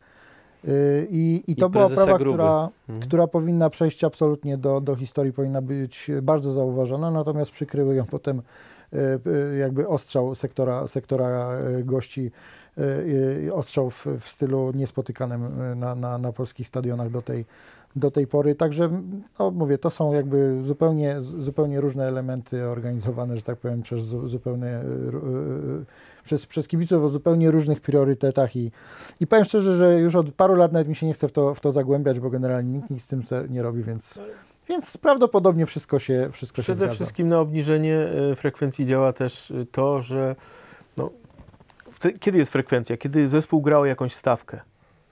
To może być walka o utrzymanie, oczywiście wtedy jest niższa e, frekwencja, walka o puchary czy mistrzostwo powoduje większą, natomiast jeśli gra o nic, no to to się przekłada. No, Powiem Ci, że ostatnio sobie trafiłem na jakiś archiwalny materiał, który rejestrowałem jeszcze w ramach moich około meczówek na, na teraz pasy, czyli dosyć dawno, to był chyba 2010-2011 sezon, z tego co pamiętam ten filmik. To był mecz jakiś z Jagiellonią i to, co ja zobaczyłem na tych trybunach stadionu Krakowi, gdzie to nie był mecz z jakimś topowym rywalem, nie wiem o co myśmy wtedy tam grali, nie pamiętam, ale jak sobie zobaczyłem na tą około meczówkę i zobaczyłem ilu nas tam było, naprawdę aż po prostu było miło e, popatrzeć. Ale A to był sezon z Radomskim w składzie, czyli nie był to Tak, sezon, w tak. którym myśmy Mhm. y, grali o, o, o, że tak powiem, o tytuły. Tylko Ale to, wręcz, to widać na frekwencji przeciwnie. Krakowi, która no, w tym sezonie jest kiepska, no bo Krakowia jest, jest y, zespołem ni- nijakim, można tak powiedzieć, prawda? Mhm. No bo nie, nie walczy o nic. Natomiast no, w pierwszej lidze ta frekwencja była większa, bo, no, bo grało jakieś cele. Mhm. Już nie mówiąc y, o tym meczu, o którym ty, ty powiedziałeś y, w trzeciej lidze, prawda? Z, koro, tak. z Koroną. No jaka była frekwencja? No, No tam jedna 10 z większych, tysięcy. 10 tysięcy, no 10 właśnie, tysięcy. właśnie, jedna z większych, bo Wszystkie gazety w Polsce pisały, pamiętam po tym meczu, Było to wydarzenie, na trzecią ligę no. może przyjść 10 tysięcy ludzi. Tak, Za jakiś trenera Zielińskiego, K- Krakowia walcząca o czwarte miejsce, o puchary, tam było 12-13 tysięcy Mhm. na meczach z Polonią y, Warszawa i na tym y, przyklepującym y, czwarte miejsce z Lechią Gdańsk. Był, ale no. tak, powiem Wam, y, je- jeśli mówimy już o graniu o coś, y, to chciałbym przejść do tematu Pucharu Kontynentalnego. Y, Ja tylko przepraszam, płynnie Mhm. przejdę y, do hokeja, bo rozumiem, że będziemy nawiązywać do hokeja. Tak, Y, Płynnie przejdę od mojej pracy do tematu hokeja, mianowicie zdarzyło mi się kiedyś być na meczu, bo też moim zadaniem jest kiedyś bliższa, teraz trochę dalsza współpraca z delegatem Polskiego Związku Piłki Nożnej. I akurat spotkaliśmy się przed meczem, rozmawialiśmy na temat naszej pracy. Y, Zeszło troszkę, y, troszeczkę na bok, y, między innymi w stronę też hokeja. No i pan delegat mówi, że a on to w ogóle na hokeju to zęby zjadł i on to w ogóle tak, hokej to, to, to on tak strasznie lubi, no i on tak jest związany w ogóle z tym hokejem. No i mówi, a bo wie pan co, bo ja to kiedyś byłem sędzią hokejowym. No i ja wtedy dopiero jak to na tej bajce takiej, y, tak mi tak spadła na głowę, tak bum, bum, bum, bum i tak sobie zobaczyłem taką okrągłą twarz pana niskiego z takim sumiastym wąsem i przypomniałem sobie trybuny, które, skan- pamiętam wtedy jeszcze był jeden sędzia główny na, na tafli i pamiętam to był jeden z najbardziej nielubianych chyba sędziów w całej Ekstraklasie. Chyba nikt w Polsce go nie lubiał i tak sobie przypomniałem i tak myślę sobie, rany boskie, karaś. a y, generalnie chłopców z PZPN-u też się nie lubi, także ja myślę, że on specjalnie się nie przebrał Nie, pan nawet. Karaś, pan Karaś teraz pracuje, jest delegatem. Tak przypomniałem sobie, że sędzią, no nie chciałem mu tego powiedzieć, że to już lepszym jest delegatem Zebrał niż pan, był sędzią. zebrał tak. pan parę razy ode mnie z trybun, tak? a, a jeśli chodzi o pracowników PZPN-u, to, y, to znowu to są takie legendy drzewa sandałowego, gdzie y, to są bardzo, bardzo f- fajni ludzie, z tymi ludźmi się bardzo fajnie pracuje i, e, i naprawdę to oni też tworzą fajny tam team e, i też pracują nad tym, żeby y, no wiem, to jest taki slogan, żeby ta polska piłka była w tym miejscu, gdzie Żeby, jest. żeby łączyła nas piłka. Tak, żeby, żeby łączyła nas piłka. Ale ja znowu patrzę od, swojego, od swojej strony, to, to, to ta współpraca na pewno jest dużo, dużo lepsza niż tam ileś naście lat temu, więc poza tym tam teraz y, pracuje coraz mniej y, tych leśnych, y, y, tylko teraz już pracują naprawdę ludzie, którzy się znają na swojej pracy i, i często często ludzie, którzy doskonale wiedzą, co robią i co robić, jak robić. Więc... A propos tego, jak się wyzłośliwie, się, wyzłośliwie się w tym miejscu, y, mówiąc, że y, ci leśni odchodzą trochę z, y, z PZP, no a potem trafiają do Krakowi i na stanowisko dyrektora sportowego i my zastanawiamy się, Nawiązując trochę, Dlaczego? nawiązując trochę do tego, y, że postrzegamy, y, że ta atmosfera, że wynik wpływa na atmosferę, y, no my jeszcze nie wiemy, jaki jest wynik meczu y, o awans na Mistrzostwa Świata w Katarze, a pewnie oglądać to będziecie, jak już będzie wiadomo, czy mamy Katar, czy nie mamy Kataru. No ale to zostawmy. Hokej, hokej, to jest ważna Hokej. rzecz. Krakowia osiąga historyczny sukces. Y, Żadna drużyna w Polsce nigdy nie zdobyła Pucharu Kontynentalnego. Y, Przypomnijmy, że nie jest, to, y, nie jest to Liga Mistrzów, no ale to jest taki Puchar Europy, powiedzmy, jeśli chodzi o tą nomenklaturę y, hokejową. Jest to naprawdę duże, duże osiągnięcie. Trzeba było wygrać dwa turnieje w międzynarodowej obsadzie po to, żeby mm, wziąć udział w, żeby, żeby podnieść tą, tą paterę która, która oznacza trofeum Pucharu Kontynentalnego. No bezprecedensowy, bezprecedensowy sukces w przerwie meczu z Piastem Gliwice bodajże, tak? y, Trener Rochaczek przeszedł przez taki szpaler swoich trof- trofeów, które w Krakowie przez y, ostatnie przeszło 10 lat osiągnął i wyglądało to bardzo efektownie. Y, No ja zakładam, że nie jest to jeszcze zwi- zwieńczenie tego, co, co trener Rochaczek w Krakowie może osiągnąć, no ale czy on jeszcze będzie mógł złapać coś, coś większego? To znaczy, zacznijmy od tego, żeby podsumować sprawę. No, zdobycie Pucharu Kontynentalnego w hokeju to taka trochę Liga Europy, tak? To, tak jak mówisz, y, drugie co do rangi, jeśli chodzi o rozgrywki hokejowe. No ten, y, ten sys- system rozgrywek hokejowych jest trochę bardziej zamotany niż, y, niż to, co wszystko, wszyscy znamy w piłce nożnej, ale warto sobie zdać sprawę, że w, w tej ponad stuletniej historii polskiego hokeja myśmy nigdy niczego nie wygrali. To jest sport olimpijski, drużynowy, w którym e, nigdy nie byliśmy mistrzami świata, mistrzami Europy.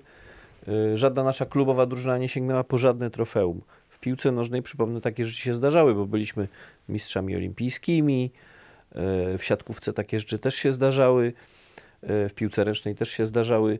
Natomiast no, w hokeju nigdy żaden klub, nawet najbardziej utytułowany, na przykład Podhale, e, żadnego międzynarodowego sukcesu mm, tej rangi e, nie osiągnął. Po prostu doszliśmy do końca planszy. Doszliśmy do końca planszy. Puchar kontynentalny pierwszy raz w historii. E, To jest niesamowity sukces, tym bardziej, że no tak jak my z Jackiem trzymamy kciuki za drużyny Rudolfa Rochaczka od samego początku, to obaj byliśmy zaskoczeni tym, jak ten turniej w Danii się potoczył. E, No to absolutna niespodzianka. Mm, Chociaż muszę Wam powiedzieć, że y, dwa dni przed wyjazdem do Danii miałem okazję się z trenerem widzieć. On był przekonany, że jedziemy po zwycięstwo, Y, y, ale żeby nie było, że jest takim profetą, że potrafi wszystko przewidzieć, twierdził, że Tychy też pokonamy w playoffie. Wiadomo, że, że skończyło się tym, że zakończyliśmy na piątym miejscu rywalizację w, w rozgrywkach ligowych, ale Puchar Kontynentalny, no niesamowita sprawa. Odważnie, ja przepraszam, wejdę słowo, że zaczynamy od podsumowania. Rafał zaczął od podsumowania, jak coś, jak szczelba y, wisi w pierwszym akcie, to na pewno wypali. Y, Wiemy wszyscy o co chodzi. No, y, wielki sukces y, Krakowi, to, to, to się mogę podpisać dwoma, dwoma rękami. Natomiast mam pewne mieszane uczucia z tym związane. Oczywiście cieszę się z sukcesu, natomiast wiemy wszyscy, że w tej drużynie grało 12 Rosjan. Wiemy, co jest obecnie. Czyli 11 Rosjan, jeden Białorusin, tak? Nie, 12 Rosjan. 12 12 Rosjan Rosjan. jest 13. Krakowia nie jest wyjątkiem. W, ty, w tym y, sezonie Polska Liga jest tak skonstruowana, że jest większość obcokrajowców. Unia Oświęcim walcząca o Mistrzostwo Polski ma ich ośmiu. Tychy, które pokonały Krakowie mają e, trenera rosyjskiego i czterech czy pięciu zawodników, więc Krakowia nie jest tu wyjątkiem. Natomiast mm, na tą sprawę by trzeba popatrzeć tak, no bo no, uff, ona jest bardzo trudna do oceny. No, naprawdę nie, nie chciałbym tutaj jakichś takich y, sądów stuprocentowych wy, wyrażać, ale popatrzmy, odwróćmy troszeczkę sytuację. No, popatrzmy, jak będzie wyglądał przyszły sezon. Czy kibice Krakowi, no i w ogóle zarząd Krakowi, będą skłonni do tego, żeby zatrudniać Rosjan? No nie, no nie ma przyzwolenia społecznego na, na coś takiego. Ta Technicznie zo- będzie to ta, niemożliwe. Oczywiście nie dostaną pozwolenia na pracę i Tak, tak dalej. no Ale ja mówię dostaną. moralnie, czy, czy kibice Krakowi by chcieli, żeby tutaj grali Rosjanie? Wydaje mi się, że nie. E, więc e, no, ta sytuacja już była zastana. Drużyna pojechała na, e, na puchar. Notabene, nie umniejszając oczywiście te, tego sukcesu, ale turniej odbył się w trzydrużynowym składzie. Nie pojechała drużyna z Białorusi wykluczona, Homel, która prawdopodobnie wy, wygrała te, te rozgrywki, więc no nie zapominajmy o tym. Yy, w kwestii formalnej, yy, rosyjscy hokeiści mogą grać w polskiej lidze. Yy, Polski Związek Hokeja na lodzie nie, nie zakazał tego, co na przykład nastąpiło w żużlu. W innych y, dyscyplinach też nie nastąpiły żadne zakazy w piłce nożnej, w piłce ręcznej, w siatkówce. Natomiast w NHL-u grają Rosjanie i, i, i tworzą tą ligę. Natomiast no, widzimy, jaki jest świat i jaka będzie tendencja. No, no nie wyobrażam sobie, żeby, żeby Krakowia była taka sama w przyszłym sezonie. Na pewno nie będzie. No. To znaczy, to najpierw ja bym, jeśli chodzi o tą sytuację, przeszedł do omówienia sytuacji bieżącej, a potem ewentualnie co z przyszłością. Wyglądało to mniej więcej tak, że temat e, w, w bardzo, e, ta rywalizacja w parze z Tychami była bardzo na styku, prawda? E, I dokładnie wtedy Michał Białoński tą kwestię podniósł. E, To jest mniej więcej e, E, Uważam, że było to zagranie nie fair. Takie jest moje zdanie. Ponieważ jeśli zawodnicy mają się całkowicie skoncentrować na grze, to zadawanie im pytań światopoglądowych dotyczących przekonań religijnych albo identyfikacji płciowej całkowicie nie ma nic wspólnego ze sportem. E, Uważam, że każdy ma prawo milczeć w takich kwestiach, a żaden z nich e, nie wykonał żadnego ruchu, który sugerowałby, że w jakikolwiek sposób się określają y, politycznie. Y, Zresztą ja bym powiedział tak, no, a propos takich deklaracji, czy ktoś coś popiera, czy nie popiera, proszę spójrzcie na tę sytuację w ten sposób. Tych obcokrajowców w polskiej lidze jest cała masa. Zmuszanie ich do opowiedzenia się publicznie y, w jakiejś kwestii, która nie wiąże się bezpośrednio ze sportem, e, sprawia, że oni e, narażają nie tylko siebie, ale także swoje rodziny, na przykład na pewne konsekwencje. E, Ja się bardzo cieszę, że nikt publicznie nie podstawił im sita pod twarz i nie zadał im pytania, e, co oni na ten temat sądzą, E, bo to by było mega nie fair, a muszę wam powiedzieć, że wiem, że z czasem E, Kto wie, czy jakieś 10% koncentracji, 10% zaangażowania w grę z tej drużyny nie uleciało i być może to zadecydowało o tym, że jednak e, nie gramy w półfinale e, Mistrzostw Polski, no bo ci goście mają rodziny, mają krewnych, coś wiedzą, nie wiem jakie mają poglądy, ma to No, znaczenie, gdyby, gdyby sami mieli to powiedzieć. Natomiast co z przyszłością? Słuchajcie, jest taka ciekawa sytuacja. Y, Jak wiecie, w Polsce jest bardzo y, w tej chwili dużo y, Ukraińców, ale jest też sporo Białorusinów, którzy na przykład uciekli z Białorusi w, kwestii, w kwestiach związanych tam z sytuacją z Łukaszenką i tak dalej. Innymi słowy, oni są też krytyczni względem tego, co dzieje się na Białorusi. A zdarzały się jakieś sytuacje, że oni mają problemy z racji tego, że są Białorusinami, bo są postrzegani jako agresorzy. Nigdy pewnych rzeczy nie wiemy i, i y, no tak jak mówię, no, gdyby ktoś z nich wykonał jakiś ruch, że deklaruje cokolwiek, y, uważałbym, że to jest jednoznacznie informacja, że, że trzeba tą sprawę załatwić. Natomiast uważam, że podniesienie tego w tym momencie, kiedy byliśmy w takiej stykowej rywalizacji ćwierćfinałowej, to było próba zdekoncentrowania y, drużyny i to było zachowanie nie fair. No ale z drugiej strony, y, Rafał, y, mecze, Czy, poko- można, mecze czy można było tego nie poruszyć Właśnie, w obecnej nie, to sytuacji? demoni- Demonizujemy ale trochę, tak. słuchajcie, mecze, mecze pokazywała telewizja regionalna, krakowska i katowicka. E, Ona zadała, zwróciła się do klubów z taką, z taką deklaracją, żeby kluby za- zadeklarowały. Ani Krakowie, ani Unia Oświęcim nie, nie odpowiedziały w ogóle na to. i W związku z tym Zachowały się telewizja, moim zdaniem bardzo dobrze. telewizja wycofała się z, z pokazywania tych meczów. Telewizja powiedziała, że wycofała się właśnie z tego powodu, natomiast dlaczego się wycofała, nie wiemy. E, Gdyby e, telewizja regionalna pokazywała sport regionalny od wielu lat konsekwentnie i wiedzielibyśmy, że na antenie TVP Kraków można obejrzeć różnego rodzaju wydarzenia związane z re, e, regionalnym sportem, a między innymi z hokejem przez lata i teraz by z tego zrezygnowali, byłbym absolutnie pewien, że to jeden do jeden tak wygląda. Natomiast e, No, ale nie jesteśmy jest przy- niszowi, więc powiem tak. Telewizja e, Kraków ma w dupie e, sport w Małopolsce i tak naprawdę e, to, że nas nie pokazywali, a powiedzieli, z jak, że z tego powodu nas nie pokazywali, to, to nie jest takie e, No ale 100% Rafał poka- pokazywali wszystkie mecze półfinałowe i nagle przestali. No chyba nie jest to przypadek. A teraz pokazują? No właśnie nie pokazują. No właśnie, no No właśnie nie, nie pokazują, pokazują. nie będą pokazywać. Nie będą przyczyn, pok- pokazywać przyczyn jest wiele, to, to jest Nie bardziej... opłaca się. Nie, nie, nie. W telewizji y, często robi się rzeczy, które się, które się nie opłaca, bo, no, Nie, no, no, bo ale tak. nie jest to no. przypadkowe. No, no, Eee, tutaj to nie jest przypadkowe nie i to jest są pewne tendencje, ale nie chciałbym tutaj w to się zagłębiać, bo jakby to jest sprawa telewizji polskiej i, i jakby to wszystko Mhm. już tłumaczy, ale ja tylko y, odniosę się do tego, co ty mówisz. Yy, Z, jednym się, z jedną tezą się kompletnie nie zgodzę, a mianowicie yy, hokeiści, tak jak i wszyscy inni sportowcy, nie żyją w jakiejś bańce oderwanej od rzeczywistości. W związku z tym, jeżeli ktoś się ich spyta, słuchaj, yy, co ty Czy myślisz o tej wojnie? cio- czy jesteś za to- usuwaniem to- ciąży? To, no to umówmy się, że no przecież to ma nie wie, nie wie, no, ja rozumiem, ale to przecież nie żyje zamknięty w czterech ścianach i, i co, chcesz powiedzieć, że on nie wie, że jest wojna na Ukrainie? No wie, zdaje sobie z tego sprawę. On może odmówić komentarza na ten temat, ale nie sądzę, żeby to miało w jakikolwiek sposób, albo fundamentalny w ogóle sposób y, zachwiać jego formą sportową. Jeżeli zachwiało, to znaczy, że tak naprawdę no, jest kiepskim sportowcem, bo uważam, że sportowiec powinien być ponad to, no to trzeba się umieć wyłączyć i tyle. No, różne rzeczy w życiu bywają, a znamy przykłady piłkarzy, którzy tracili w dzień przed meczem kogoś bardzo bliskiego i wychodzili na mecz i, i, i grali świetne zawody. Y, A no, znamy też takich piłkarzy, także- którzy usłyszeli od y, przeciwnika w finale Mistrzostw Świata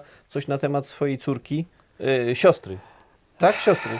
I w efekcie z barana My to wiemy, my to, ale, ale No.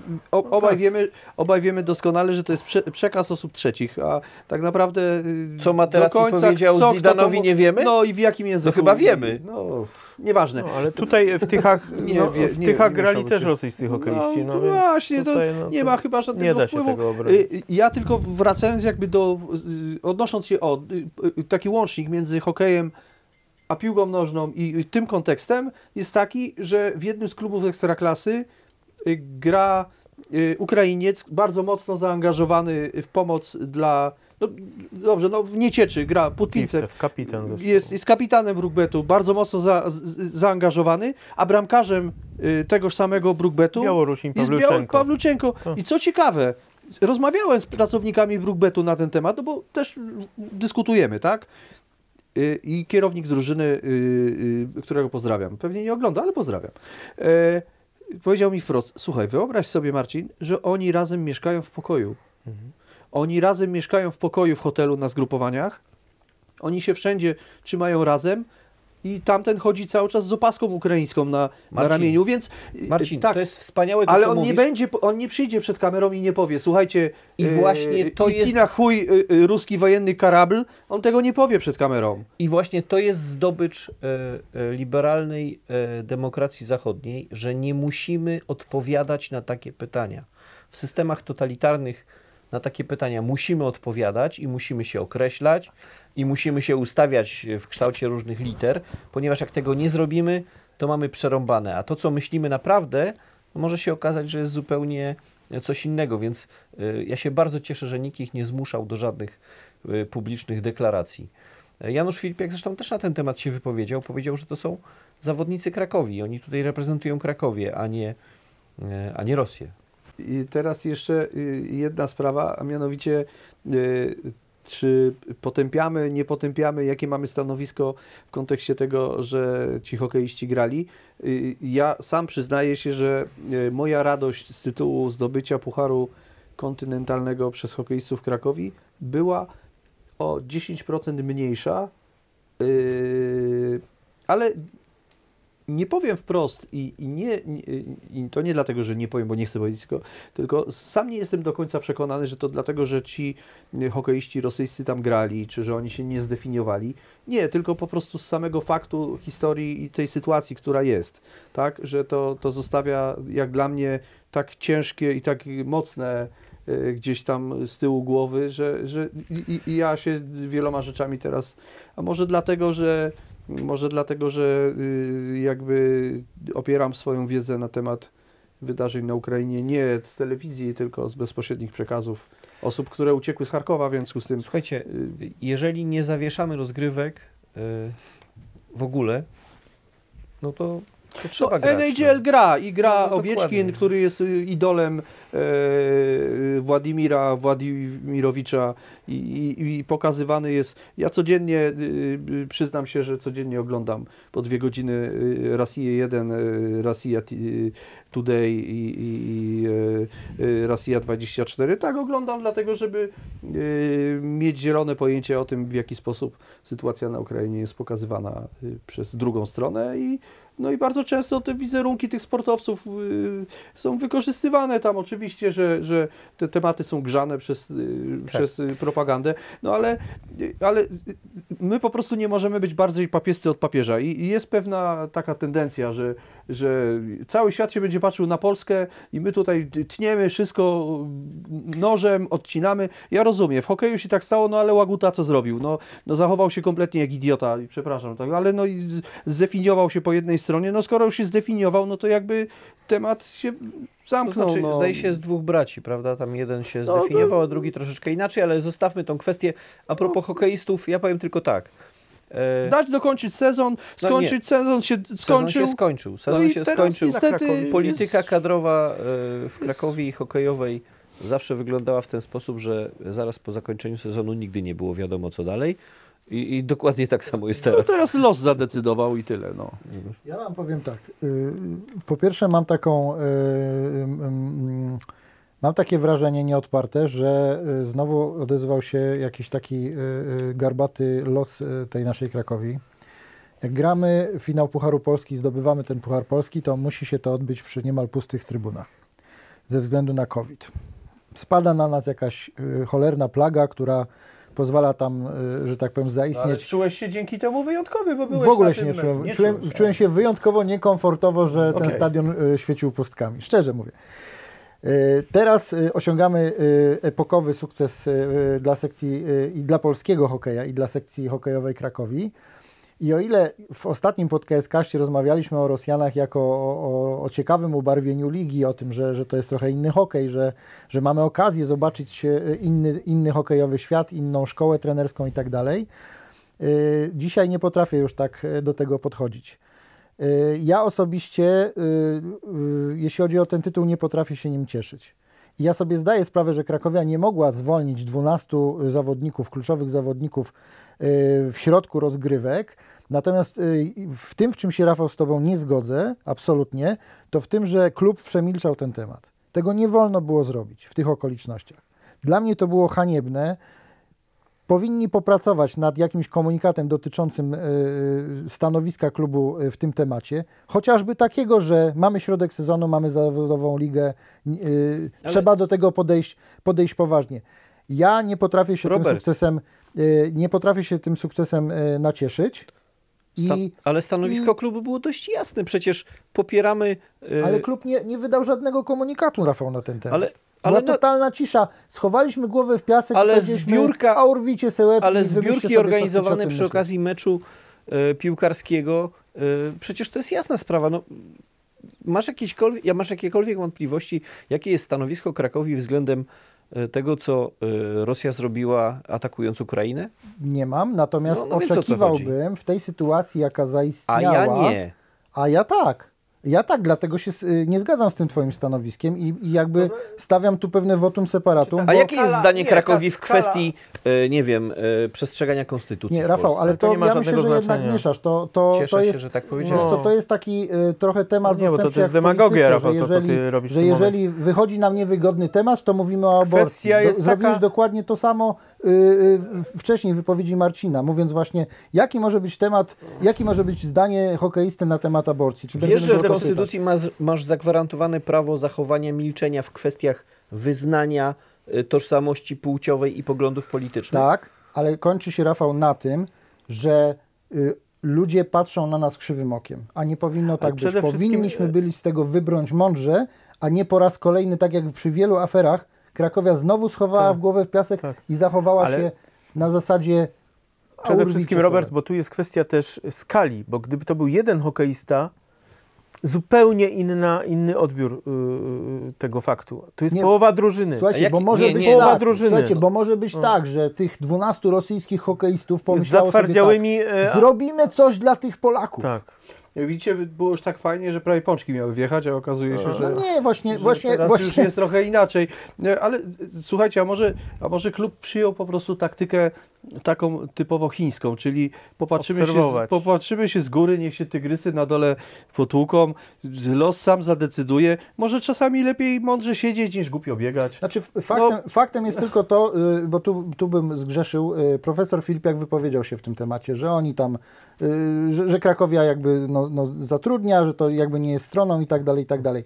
Mnie pozostaje, no mam takie... Z tego co mam wiem, to takie, profesor Filipiak robi też wie, wiele innych rzeczy w tym kierunku, żeby jednoznacznie określić i- swoją pozycję, i pozycję Komarchu, i pozycję Krakowi, więc y, to akurat... Ja uważam, że klub się zachował najlepiej jak mógł, ponieważ nie wierzę w intencje e, e, próby przymuszenia Krakowi do zajęcia stanowiska jako czyste.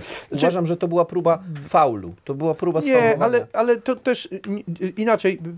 To jest taki moment, gdzie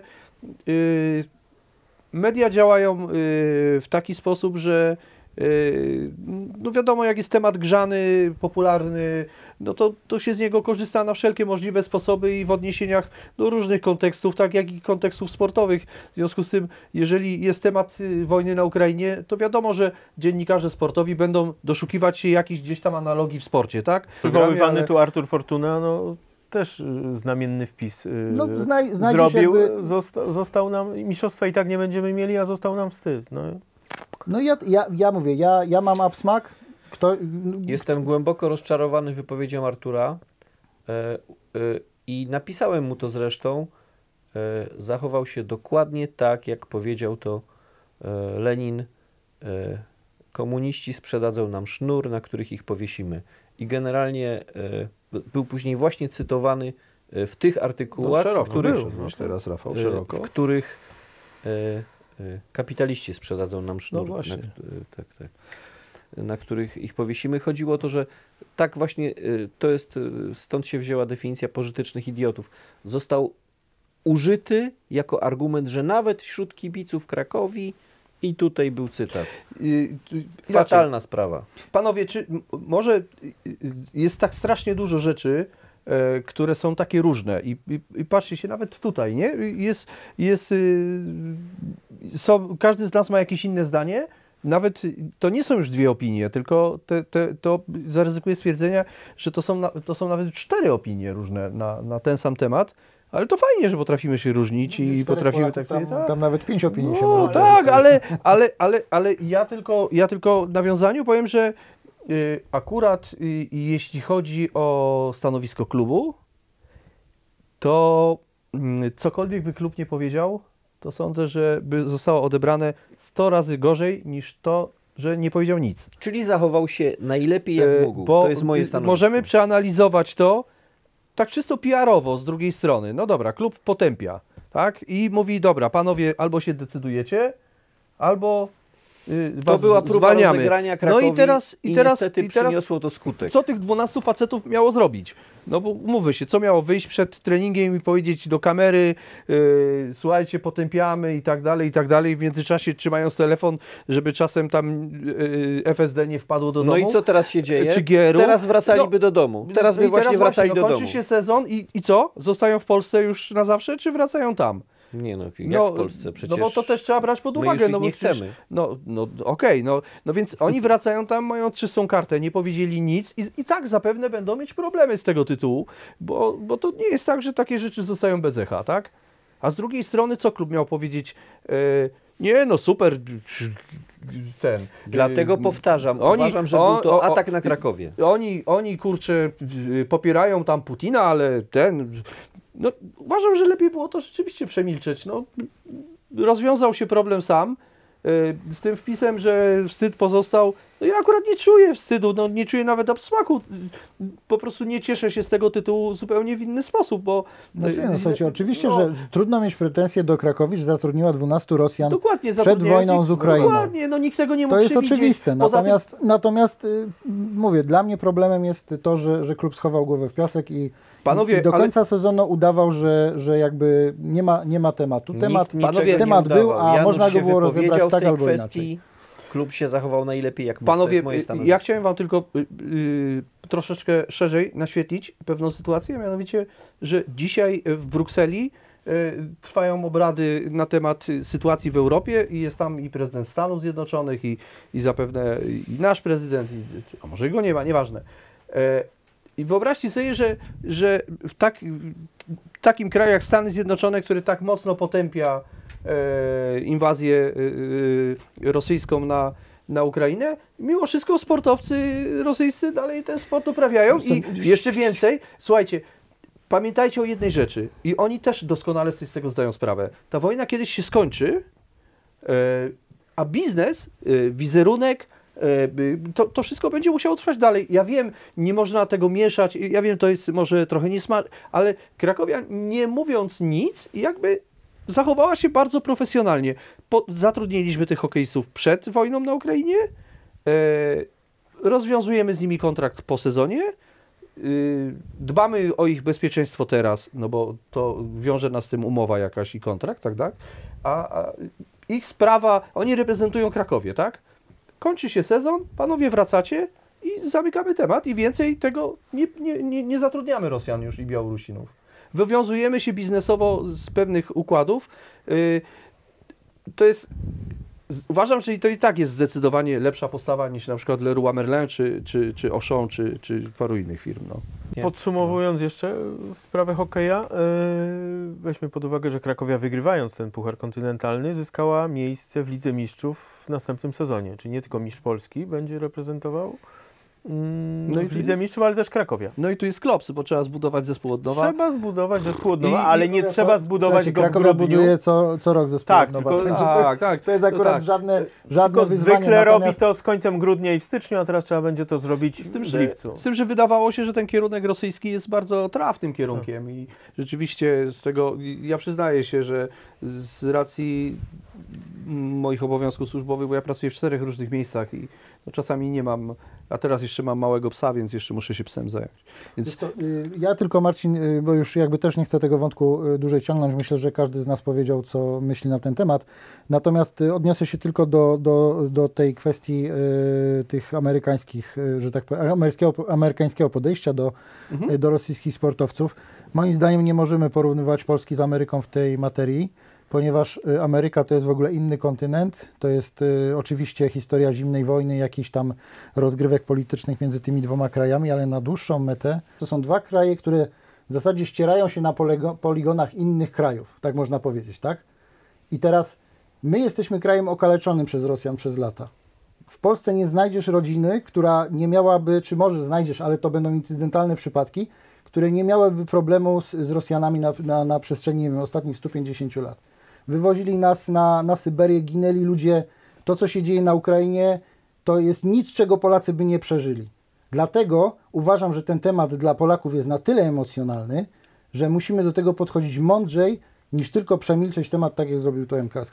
To ja tylko, to ja tylko, ja tylko adwokat, czy musiała, żeby to było, to stanowisko było aż tak mocne, to musiała aż wybuchnąć wojna na Ukrainie? Bo to chyba niewiele zmieniło. Nie, no, wydaje mi się, że jednak zmieniło, bo, Znaczy wiesz, bo, no, bo te nastroje były gdzieś tam przyschnięte, tak? Tak jak mówiłem, my, my rozmawialiśmy w poprzednim podcaście na temat tego, że, że, że no mówię, że ci Rosjanie, no to jest jakaś nowość w tej, w tej lidze. Teraz sytuacja jednak jest zupełnie i- inna. Ja sobie nie wyobrażam, żeby Krakowia zatrudniała Rosjan e, w przyszłym sezonie, nieważne czy to będzie piłkarz, czy to no będzie... nie jest to możliwe, ale hokeista. e, Marcin, bo To będzie strzał ty mówisz, że, że, że czy musiała wybuchnąć wojna. No musiała, bo Krakowia miała e, w historii świetnych hokeistów rosyjskich. No ale nie, Rościna bo- Agulina, uwielbianych Tak, przez nie. kibiców. Uwielbianych. Białorusinów, Trenera e, również Safonowa. Prima, Prima, y, Roś- Paw, Pawliuczenko. Pawliuczenko. No, Tak, więc oczywiście, no możemy inne zakładać, czasy, że- ale inne też. Możemy zakładać, że, że tych 12 hokeistów w Krakowi to byli wyznawcy... Ale ja pytałem, Bramkarz y, Fatiko. Fatiko, ale ja pytałem tylko w kontekście e, tego, że na, takiego polskiego światopoglądu z, z tym takim powiedzmy skrzywionym w stosunku do, do Rosji, czy żeby, żebyśmy to aż tak dogłębnie zrozumieli, musiała wybuchnąć wojna na Ukrainie. No bo ja rozumiem, że, że przecież to ona w stosunku do Polski zmieniła no o tyle, że 2,5 miliona ludzi e, przyjechało za wschodniej granicy i mamy większe świadectwo ich bestialstwa, ale no, zdawaliśmy sobie sprawę chyba z tego, że takie samo bestialstwo ma miejsce w Syrii, e, czy w Afganistanie mniejsze bądź większe, no to, to akurat chyba niewiele zmieniło, więc y, y, jakby w kontekście tego, że świat obok się dzieje y, i dzieje się nie tylko w Stanach, nie tylko w Polsce, e, dzieje się i w Europie, bo przecież na co dzień sami widzicie, że, że pomimo tego, że y, duże głowy mówią, że czegoś zakazujemy, nie możemy robić e, i, i zamykamy, a okazuje się, że tylnymi drzwiami jednak y, gdzieś y, to dalej działa. Więc ja wiem, czy Krakowia musiała być tutaj bardziej papieska od papieża. Nie wiem, w ogóle Polacy mamy taką trochę tendencję. Ja przepraszam, że tak powiem, ale mamy taką tendencję, że chcemy być takim światłem w tunelu dla wszystkich narodów w Europie i pokazywać, co to my nie mamy robić i na każdym polu tak się chcemy trochę zachowywać. No, no może czasami warto poczekać trochę, no może niech to inne konie polecą przed nami i może niech to kto inny tam ginie, y, na, a, a my sobie przyjdziemy posprzątać, jak do tej pory to inni robili po nas, więc ja wiem, czy to my musimy, no, czy to my musimy akurat dawać wszystkim w Europie teraz pokazywać, e, że my będziemy wykluczać e, rosyjskich hokeistów, będziemy ich potępiać i w ogóle będziemy rozwiązywać temat? No, de facto oprócz takiego stricte wiz wizerunku, ale chwilowego, to nic, żadnej korzyści innej nie przynosi. E, Dla mnie bilans zysków i strat jest e, bardzo jasny. E, Zachowanie klubu i, i, i po prostu przemilczenie tematu i temat rozwiązał się sam, a postęp, postępowanie takie bardzo profesjonalne, czyli podpisaliśmy kontrakt, wywiązujemy się. Panowie, dziękujemy. To, czy panowie wracacie do Rosji, oczywiście no, musicie nam wrócić. y, Życzymy wam powodzenia. Mamy nadzieję, że y, wasze człowieczeństwo będzie y, na pierwszym miejscu i, i, i- zachowacie się w sposób godny. No i tyle. A nie wiem, no, a teraz sobie wyobraźcie, że ci hokeiści na przykład, no, że ci się potępiają to, no i co? No i co, co albo na przykład Tak, no może być 12 wyzna- wyznawców Nawalnego i, i No i jakby- co? No i ugotujecie, jest, e, ugotujecie. I ugotujecie. też nie oczekam, że oni to No, powiedzą. Natomiast no, mówię, o ile ni, ani przez chwilę nie oczekiwałem y, y, stanowiska tych chłopaków, o tyle klub mógł w mojej opinii zachować się lepiej, w, innych opiniach zrobił to perfekcyjne, perfekcyjnie. Y, y, jakby każdy, każdy ma do tego jakieś tam swoje podejście Y, i, i mamy- myślę, że każdy, każdy z nas znajdzie jakby swoje grono akolitów, które będzie rozumieć Tak. bardziej lub mniej podejście każdego z nas. Ja tylko powiem, że w przestrzeni takiej sportowej w Polsce i w województwie, a nawet w mieście mamy przykłady, jak się tworzy PR i to niekoniecznie dobry, więc akurat może lepiej, są takie momenty, gdzie lepiej może mądrze jednak stać niż głupio biegać. No, czy mądrze, mądrze po prostu milczeć niż, niż niepotrze- niepotrzebnie chlapać na prawo i lewo, bo mówię, no czasami trzeba zrobić ten bilans zysków i strat i, i, i, i nie ma idealnych rozwiązań. No tutaj żadne rozwiązanie nie było dobre. I ostatni temat y, też nie będzie stricte sportowy, E, Natomiast na pewno nie będzie nosił ze sobą tak, e, tak dużego ciężaru gatunkowego. E, Mowa tutaj o e, książce Janusza Filipiaka, która e, do niedawna pokazała, uk- ukazała się na rynku księgarskim. Pięknie wydana pozycja, widać, że tutaj prezes Filipiak nie oszczędzał. Rafał ma Jak dzisiaj zwykle. egzemplarz, egzemplarz tej książki. Janusz Filipiak, dlaczego się udało? Oczywiście złośliwi szybciutko podłapali, Co? że na pewno nie jest to książka o Krakowi. Ja przeczytałem, szczerze mówiąc, e, tylko rozdział dotyczący Krakowi, ponieważ czas niespecjalnie pozwolił mi na Był więcej, ale pierwszy czy ostatni? no, y, on jest gdzieś tam w środku zlokalizowany. Natomiast ty, Rafał, chyba, chyba y, szerzej poznałeś e, Tak, tą tak, ja pozycję. z, z, dużym, mm, y, z dużymi oczekiwaniami czekałem na tą książkę. E, Tak mówił. I, i, i słuchajcie, y, zabrzmi to trochę jakbym pracował w dziale marketingu y, Komarchu. Y, uważam, że to jest pozycja, po którą warto sięgnąć. Uwaga, warto sięgnąć nie tylko dlatego, y, że y, Janusz Filipiak jest od 17, właściwie już za niedługo będzie od 18 lat prezesem Krakowi, czyli najdłużej w historii klubu.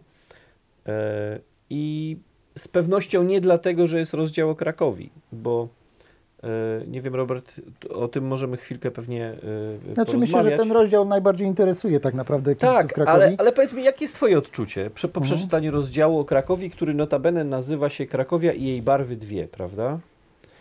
No jak, jakie jest Twoje odczucie? Co, co sobie pomyślałeś? Tak, jeśli po mogę pierwsze- tak prowokacyjnie zapytać. Po pierwsze miałem e, nieodparte wrażenie, że, że, że, ta, że ten rozdział dokładnie odzwierciedla to, co, y, co, y, co, co ja widzę i jak ja postrzegam prezesa Filipiaka w Krakowi. Y, Mówiąc krótko, są tematy, w których ma bardzo ciekawe wizje i pomysły i, i, i wydaje się, że, wydaje, że, że, że w tej Krakowi mm, w bardzo świadomy sposób grzebie i, i się, nią, się nią bawi, może to jest za lekkie słowo, e, ale podchodzi do, nie, do niej w taki twórczy sposób. A to wszystko miesza się z, z takimi tezami profesora Filipiaka, w których ja kompletnie go nie rozumiem, wydają się kompletnie oderwane od rzeczywistości, abstrakcyjne, y, niezgodne z, z faktami, z życiem i z moim, z moim doświadczeniem. Natomiast y, to, co najbardziej mnie zaskoczyło, to to, że prezes Filipiak w tym rozdziale ujawnił coś, czego, z czego śmiał się, mówiąc często o Krakowie, mia- mianowicie ujawnił swój pewien kompleks y, naszej rywalki z Zabłoni. Mówię to, ponieważ jest w tym rozdziale bardzo obszerny y, y, fragment dotyczący Wisły Kraków. I, mm, I bardzo mnie to zaskoczyło. Oczywiście, mm, jak w naszych. I to jest na samym początku. Mówisz o tym e, cytowanym wywiadzie z, e, z Piotrem Z Wojtem. Piotrem Wojtem, tak. Tak. Mam świadomość. y, Też, też byłem zaskoczony. Mam świadomość, że to jest bardzo sprytny przytyk, e, który pokazuje mm, e, pewien dualizm poznawczy obowiązujący w, w przestrzeni publicznej. E, A mowa tutaj o korupcji. Prezes Filipiak, wykorzystując ten wywiad e, w, bardzo dobitny sposób, u- udowodnił, że, że był to jakby pewien społeczny problem, problem dotyczący całej ligi i że ci, którzy czasem chcą uchodzić w, w tym temacie za, za świętych, niekoniecznie takimi takimi są. Natomiast sam fakt, że, że tak duża część tego rozdziału dotyczącego Krakowi e, jest zajęta właśnie przez, e, przez wywiad z, panem Sześć Wojtem, spośród 35 stron. no, myślę, że to jest całkiem sporo. Przynajmniej ja nie spodziewałbym się tego przed lekturą tego, tego rozdziału. To było dla mnie największe za, za, zaskoczenie tak naprawdę. Natomiast no, cytaty w stylu, że, że prezes Filipiak rozmawia na przykład z tą najmniej pokorną częścią publiczności, która na, na takich prywatnych, kolorowych spotkaniach y, y, rozmawia z nim, on ich tam y, ruga, y, po czym oni mówią tak, to jest taki fajny prezes, y, bo, bo, bo tam czasem coś pokrzyczy i każdy idzie w swoją stronę i wszyscy są uśmiechnięci. No mnie się to wydaje mocno, mocno abstrakcyjne. Jestem ciekaw, y, co, co, co druga strona tych dyskusji miałaby do powiedzenia w tym, y, w tym temacie. Ale teraz ja prowokacyjnie zapytam Ciebie, Rafał, o, y, o zdanie na temat tego To, rozdziału. to znaczy, i tej y, książki. słuchajcie, książka ma 400, 400 chyba 16 stron, jeśli dobrze pamiętam, 416. Y, tak jak wspomnieliśmy, rozdział o Krakowi 35 stron, z czego 6 to cytowany wywiad z Piotrem Wojtem, y, udzielony notabene w 2021 roku, czyli całkiem świeży, ale 6 stron i 8 stron zdjęć, czyli mamy już 14, czyli zostaje 19 stro- stron o Krakowi. Ja powiem tak, y, niczego, y, prawie niczego y, nowego na temat tego, co Janusz Filipiak o Krakowi opowiada. Znaczy, nic nowego się nie dowiedziałem z tego, ale musi, musicie pamiętać o tym, że to jest książka, to jest właściwie e, takie opus magnum trochę Janusza Filipiaka, ponieważ okazuje się, że Janusz Filipiak jest autorem dwóch książek dotąd. Oba, oba wydawnictwa są bardzo techniczne i odwołują się do jego pracy naukowej. To de facto jest opublikowany po angielsku taki wyimek z jego doktoratu i opublikowany po angielsku yy, wersja jego y, rozprawy habilitacyjnej, czyli już jest autorem dwóch książek, to jest trzecia książka. No nie ośmielę się zaryzykować tezy, że ostatnia, ale wygląda na to, że ostatnia, ponieważ y, to jest takie podsumowanie całej drogi, jak to wyglądało, biografia, mnóstwo Ale fajnych ci pachnie to Noblem z literatury? Y, Nie, no oczywiście, że nie, to nie, nie bądźmy, nie idźmy w tą stronę, ale, ale Janusz Filipiak w tej książce y, y, pisze y, wiele ciekawych rzeczy. Y, Po pierwsze, nie tylko na temat y, siebie, ale także na temat całego rynku IT, tego jak powstawała firma. E, I ten, ja prawdę mówiąc, y, zajrzałem do właściwie wszystkich rozdziałów w tej książce. No nie powiem, że przeczytałem wszystkie dokładnie, y, ale wiele przeczytałem i uważam, że to jest ciekawa książka, y, żeby do niej y, zaglądać, y, ale ja ją przeczytałem trochę przez pryzmat y, osoby, która zastanawiała się, co będzie z Krakowią. Co będzie z Krakowią? Czy ja się z tej książki czegoś dowiem? E, Słuchajcie, jest tutaj kilka takich rzeczy, które są ciekawe. Także gdyby spojrzeć na to z punktu widzenia Krakowi, mam nadzieję, że e, nie zdradzę e, zbyt wiele z tego, co Janusz Filipiak w tej książce zawarł. Jeśli Wam przeczytam, jeśli pozwolicie, e, zakończenie. Janusz pisze tak, e, a właściwie inaczej. Musicie pamiętać, książka powstawała w ten sposób, że podczas e, sesji skype'owych e, kontaktował się z panem Krzysztofem Domarackim. To jest dziennikarz e, Forbesa, który właściwie, rozumiem, to redagował, ale to potem trafiało do naszego prezesa i on to mm, autoryzował, więc można powiedzieć, że to są słowa Janusza Filipiaka. E, W swojej książce starałem się przekazać informacje prawdziwe, ważne i ciekawe. O sobie, firmie i świecie nie jest to typowa współczesna autobiografia oparta na ciekawostkach i sensacjach. Moim celem było przekazanie wiedzy. I tak faktycznie jest. Jest tutaj spory rozdział na temat takiej filozofii, e, którą się Janusz Filipiak kieruje, także w odniesieniu do Krakowi. Na koniec dnia jestem rozliczany z wyniku finansowego Komarchu i rozwoju firmy, odpowiadam przed akcjonariuszami, klientami, a w jeszcze większym stopniu ludźmi, których zatrudniam, e, którym stwarzam środowisko zawodowe. Od lat wpajam swoje zasady prowadzenia biznesu kolegom i pracownikom Komarchu. Nie zawsze je przyjmują. Liczę na to, że ta książka nie tylko trafi do innych przedsiębiorców, ale także ułatwi im zarządzanie biznesem. Często sprzedajemy systemy informatyczne, które są kluczowe dla funkcjonowania całych firm, a do tego regularnie podpisujemy kontrakty na 5-10 lat.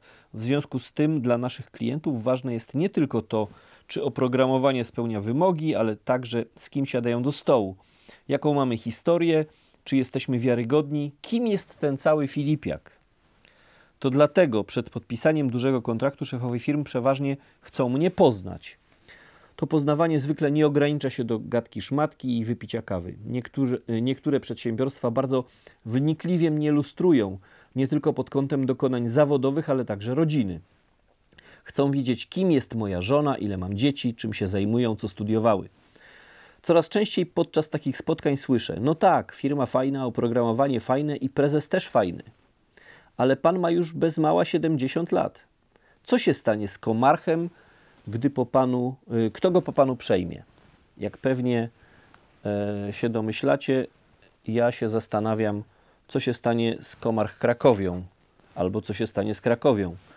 I co Janusz Filipiak pisze dalej? Oczywiście nie jest to dla mnie miłe, ale rozumiem takie pytania.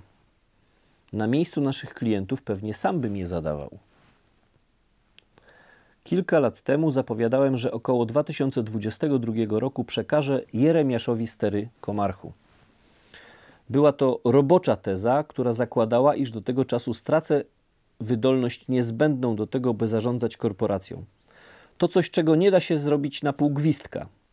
Ale na razie biologia jest po mojej stronie, pisze Janusz Filipiak. Pracuję po kilkanaście godzin dziennie, jestem sprawny intelektualnie, wciąż mi się chce. Ale skoro Jeremiasz powiedział, że może zaczekać, nie ma powodu przyspieszać zmiany warty. I ostatni fragment. Kiedyś Marysia powiedziała coś takiego. Tato, jeśli zachorujesz i nie będziesz mógł się poruszać, będę odwiedzać cię w szpitalu, a następnie przekazywać twoje decyzje innym. Powiedziała Marysia. E, Oczywiście była wtedy mała, ale nawet teraz dzieci nie palą się do tego, by wskoczyć w moje buty. Raz, że każdy z nich ma swoje zajęcia i w żadnym wypadku się nie nudzi, a dwa, wszyscy doskonale wiedzą, z jaką orką i stresem wiąże się prowadzenie dużej firmy z poziomu właściciela. Skoro wciąż mam siły, postanowiłem, że spróbuję oszczędzić tego dzieciom najdłużej jak się da. Mam nadzieję, że zrozumieją moją decyzję.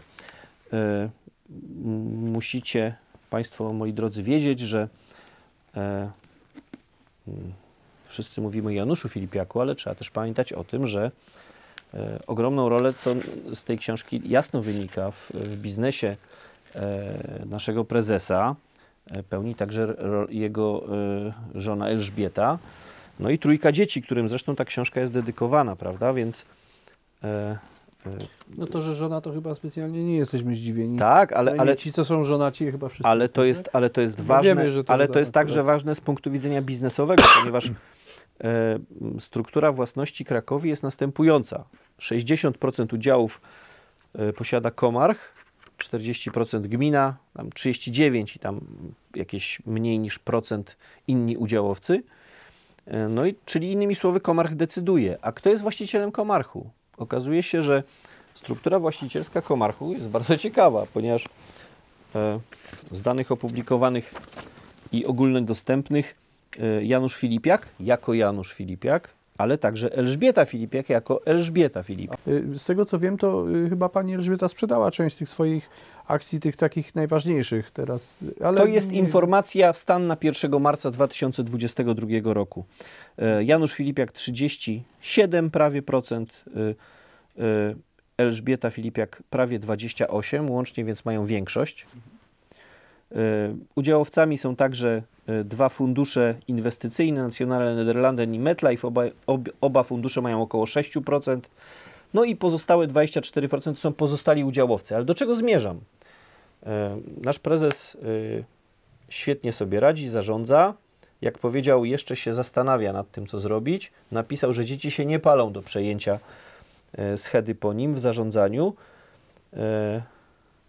I to wszystko jest bardzo ciekawe, bo ani słowa o planach sukcesji, albo się do tego nasz prezes nie przyznał, albo nie ma żadnego zapisu formalnego w spółce, jak wygląda dziedziczenie. E, y, Więc, y, bo prezes powiedział, że jak ktoś go pyta, co będzie, kiedy go zabraknie, to dla niego nie jest miłe. Czyli to jest takie y, nieprzyjemne jest dla niego pytanie, a co się stanie, jak pan umrze? No i jak prezes napisał, biologia jest na razie po jego stronie. Oczywiście życzymy 100 lat w zdrowiu, ale e, ja mam nadzieję, że Krakowia będzie e, istniała dłużej niż 100 lat. Prawda? Więc ja bym się wolał dowiedzieć, jeszcze będzie Nie. istniała. Ja, mam, ja bym się wolał dowiedzieć, co będzie dalej, ponieważ jeśli e, nie ma e, ustalonej sukcesji, to będzie działało normalne prawo spadkowe i po śmierci Janusza Filipiaka e, Elżbieta Filipiak będzie miała 40%, 48% udziałów. Po 6 z haczykiem Ale trójka jego dzieci No w Komarchu. w Krakowi. Dlaczego? W Komarchu, tak, tak. No w Komarchu. Komarchu, ale A Komarch ma 60% Krakowi, jest elementem e, korporacji, o czym Janusz zresztą bardzo ładnie pisze. Tu jest bardzo ciekawy rozdział na temat takiej jego filozofii życiowej.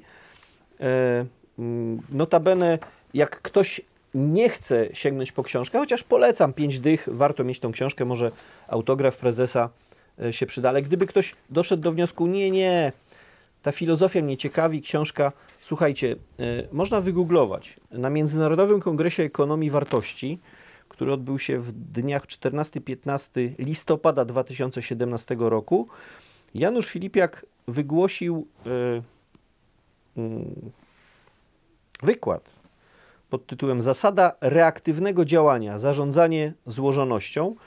W internecie można znaleźć 47 slajdów, które w, w nieco rozbudowanej formie, ale zasadniczo wykładają to, jak, czym on się kieruje, jeśli chodzi o pewne decyzje biznesowe. E, przekładając to na język e, e, organizacji sportowej, ja nie jestem zadowolony, ale chętnie bym na ten temat podyskutował. Pytanie, czy, czy w ogóle jest szansa na to, żeby o tym porozmawiać z prezesem, e, ponieważ Szansa zawsze jest. rola, rola jaką on widzi dla e, Krakowi w ramach Komarchu,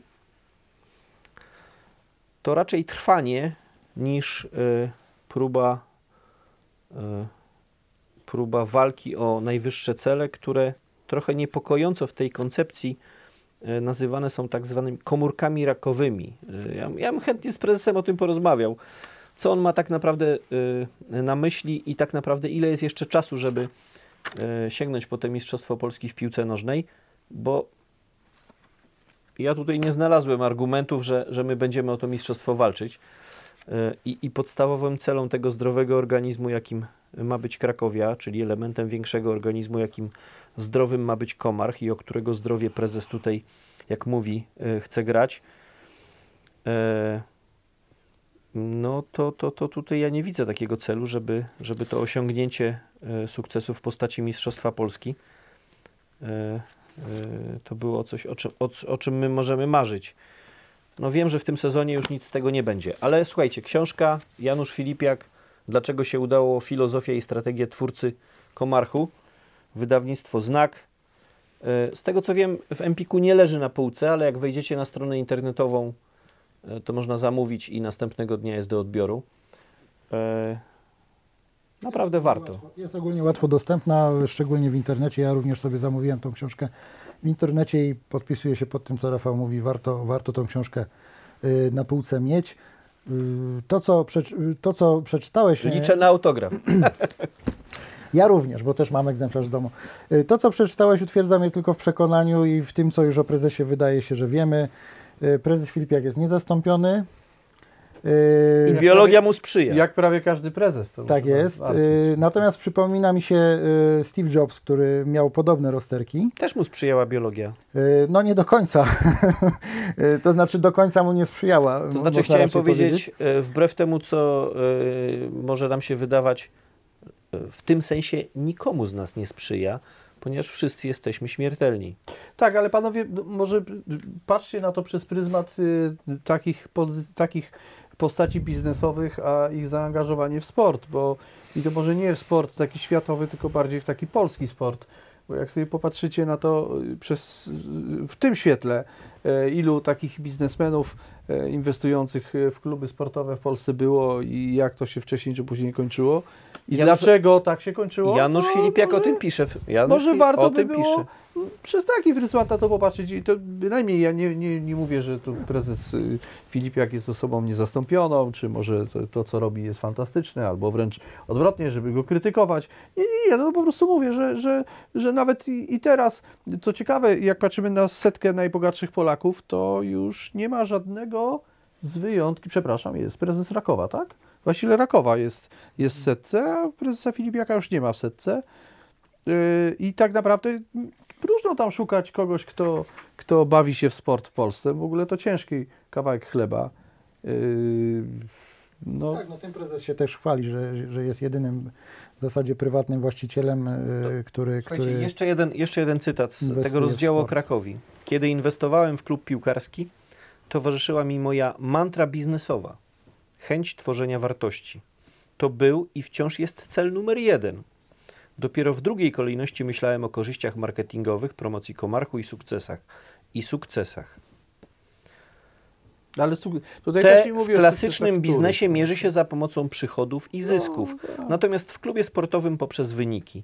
Przez to podejście niektórzy kibice dostają piany na ustach, ponieważ im się wydaje, że powinniśmy wrzucać do klubu coraz więcej pieniędzy, żeby w każdym roku Krakowia mogła bić się o mistrza Polski. Rozumiem, że prezes stawia tezę, że y, tego nie będzie robił. Nie, nie, nie, nie, nie, nie, nie, nie. Ja się nie zgadzam z tym, bo to zupełnie tak nie brzmi. Przynajmniej ja tego tak nie odczytuję. To, to ja to rozumiem w taki sposób, że po prostu nie, nie przywieziemy teraz nagle dwóch y, ciężarówek wydrukowanych, świeżych 100 dolarówek, y, wpompujemy je w klub, y, wygramy dwa razy z rzędu Mistrzostwo Polski i, i, i tak to będzie wyglądać. Nie, to, to chyba nie, nie tędy droga. Zresztą historia pokazuje, że może lepiej jest zbudować jakoś. Yy, i znowu, żeby nie było, że, ja- że, ja bronię pewną koncepcję, tak? Yy, Marcin, aczkolwiek jestem bardzo daleki od też krytykowania, bo mimo wszystko, mimo wszystko yy, uważam, że sama Krakowia na przestrzeni lat mocno się zmieniła. No, pff, ubolewam nad tym, że są rzeczy, które się nie zmieniły. Yy, bardzo nad tym ubolewam, ale też wiele rzeczy się zmieniło. No i yy, Oczywiście, oczywiście, tu jest y, piękna kapit na ten temat. Jeszcze jeden cytat, jeśli pozwolicie, y, zacytowanie, y, to prawo cytatu, prawda? Prowadzimy kluby korporacyjnie i zgodnie z wieloletnią strategią. Mamy struktury, procesy, cele. Nie trwonimy pieniędzy, choć wydaliśmy na Krakowie ponad 150 milionów złotych, nie licząc wsadów kapitałowych, za które przejęliśmy większościowe udziały. Te pieniądze nadal są w klubie, w obiektach sportowych i boiskach, drużynach głównej, rezerwowej, juniorskich, sekcji hokejowej. Zbudowaliśmy komercyjne centrum sportowe Krakowia Sport Park w Cichym Kąciku i uruchomiliśmy ośrodek treningowy w Rącznej, który kosztował nas 42 miliony złotych. Krakowia to nie jest grupa facetów w krótkich spodenkach, tylko poważna, zatrudniająca ponad 300 osób organizacja, która od lat jest rentowna. W 2019 roku miała około 38 milionów złotych przychodu i 2 miliony złotych zysku. Tutaj Artur Fortuna zaraz ci y, Rok później w cyferki, czasie- że jednak już nie, nie. Rok później, w czasie pandemii, wypracowaliśmy prawie 40 milionów złotych przy niespełna 90 tysiącach czystego zysku. E, Ja celowo cytuję te przykłady, y, te, te fragmenty, ponieważ one świetnie mówią o tym, że kondycja finansowa klubu jest naprawdę dobra, jest znacznie lepsza przecież niż to, co było na początku. Krakowia y, no, obrosła w sadło, po prostu. Y, Mamy, mamy grunty, mamy kapitał i gdyby o to chodziło w To sporcie, jest- to bylibyśmy No więc Mistrzami to jest świata. chyba kluczowe. Gdyby o to chodziło w sporcie, w sporcie Właśnie. kompletnie o to, o to nie, nie chodzi i to jest ten dysonans poznawczy przy lekturze choćby tylko tego rozdziału y, dotyczącego Krakowi, jaki, jaki, ja, y, jaki ja odczułem. Żeby domknąć tą tezę z Steve'em Jobsem i Applem, y, powiem tak, Steve Jobs miał podobne dylematy moralne, kiedy y, wiadomo było, że powoli musi z tego świata y, odejść. Y, Miał problem ze znalezieniem następcy. W jego przypadku y, naturalną myślą nie było to, że będzie to ktoś z rodziny. On z rodziną tam, że tak powiem, różnie, że tak powiem, najlepiej wychodził na zdjęciach, mówiąc krótko. Natomiast znalazł takiego człowieka jak Tim Cook, któremu zaufał, który był jakąś, był, był taką osobą, który, która mogła tą sukcesję przejąć po, po, po Jobsie.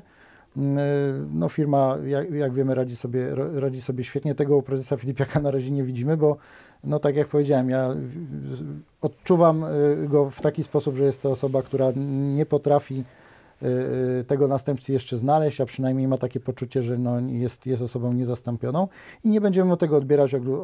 Odniósł ogromny sukces i, i ma prawo do, y, do takiego myślenia. Y, Książkę jednoznacznie y, y, Tak. polecamy. Zdecydowanie nie tylko dla kibiców Krakowi. Myślę, że to jest ciekawa lektura. E, I ja tutaj znalazłem wiele ciekawych wątków. E, oczywiście ją przekładam e, na, na nasze Myślisz, że w zainteresowanie klubem. Rzeczpospolitej będą przedruki? E, Uważam, uważam, nie ma tu że, nic o historii, więc nie wiem. uważam, uważam, że powinny być.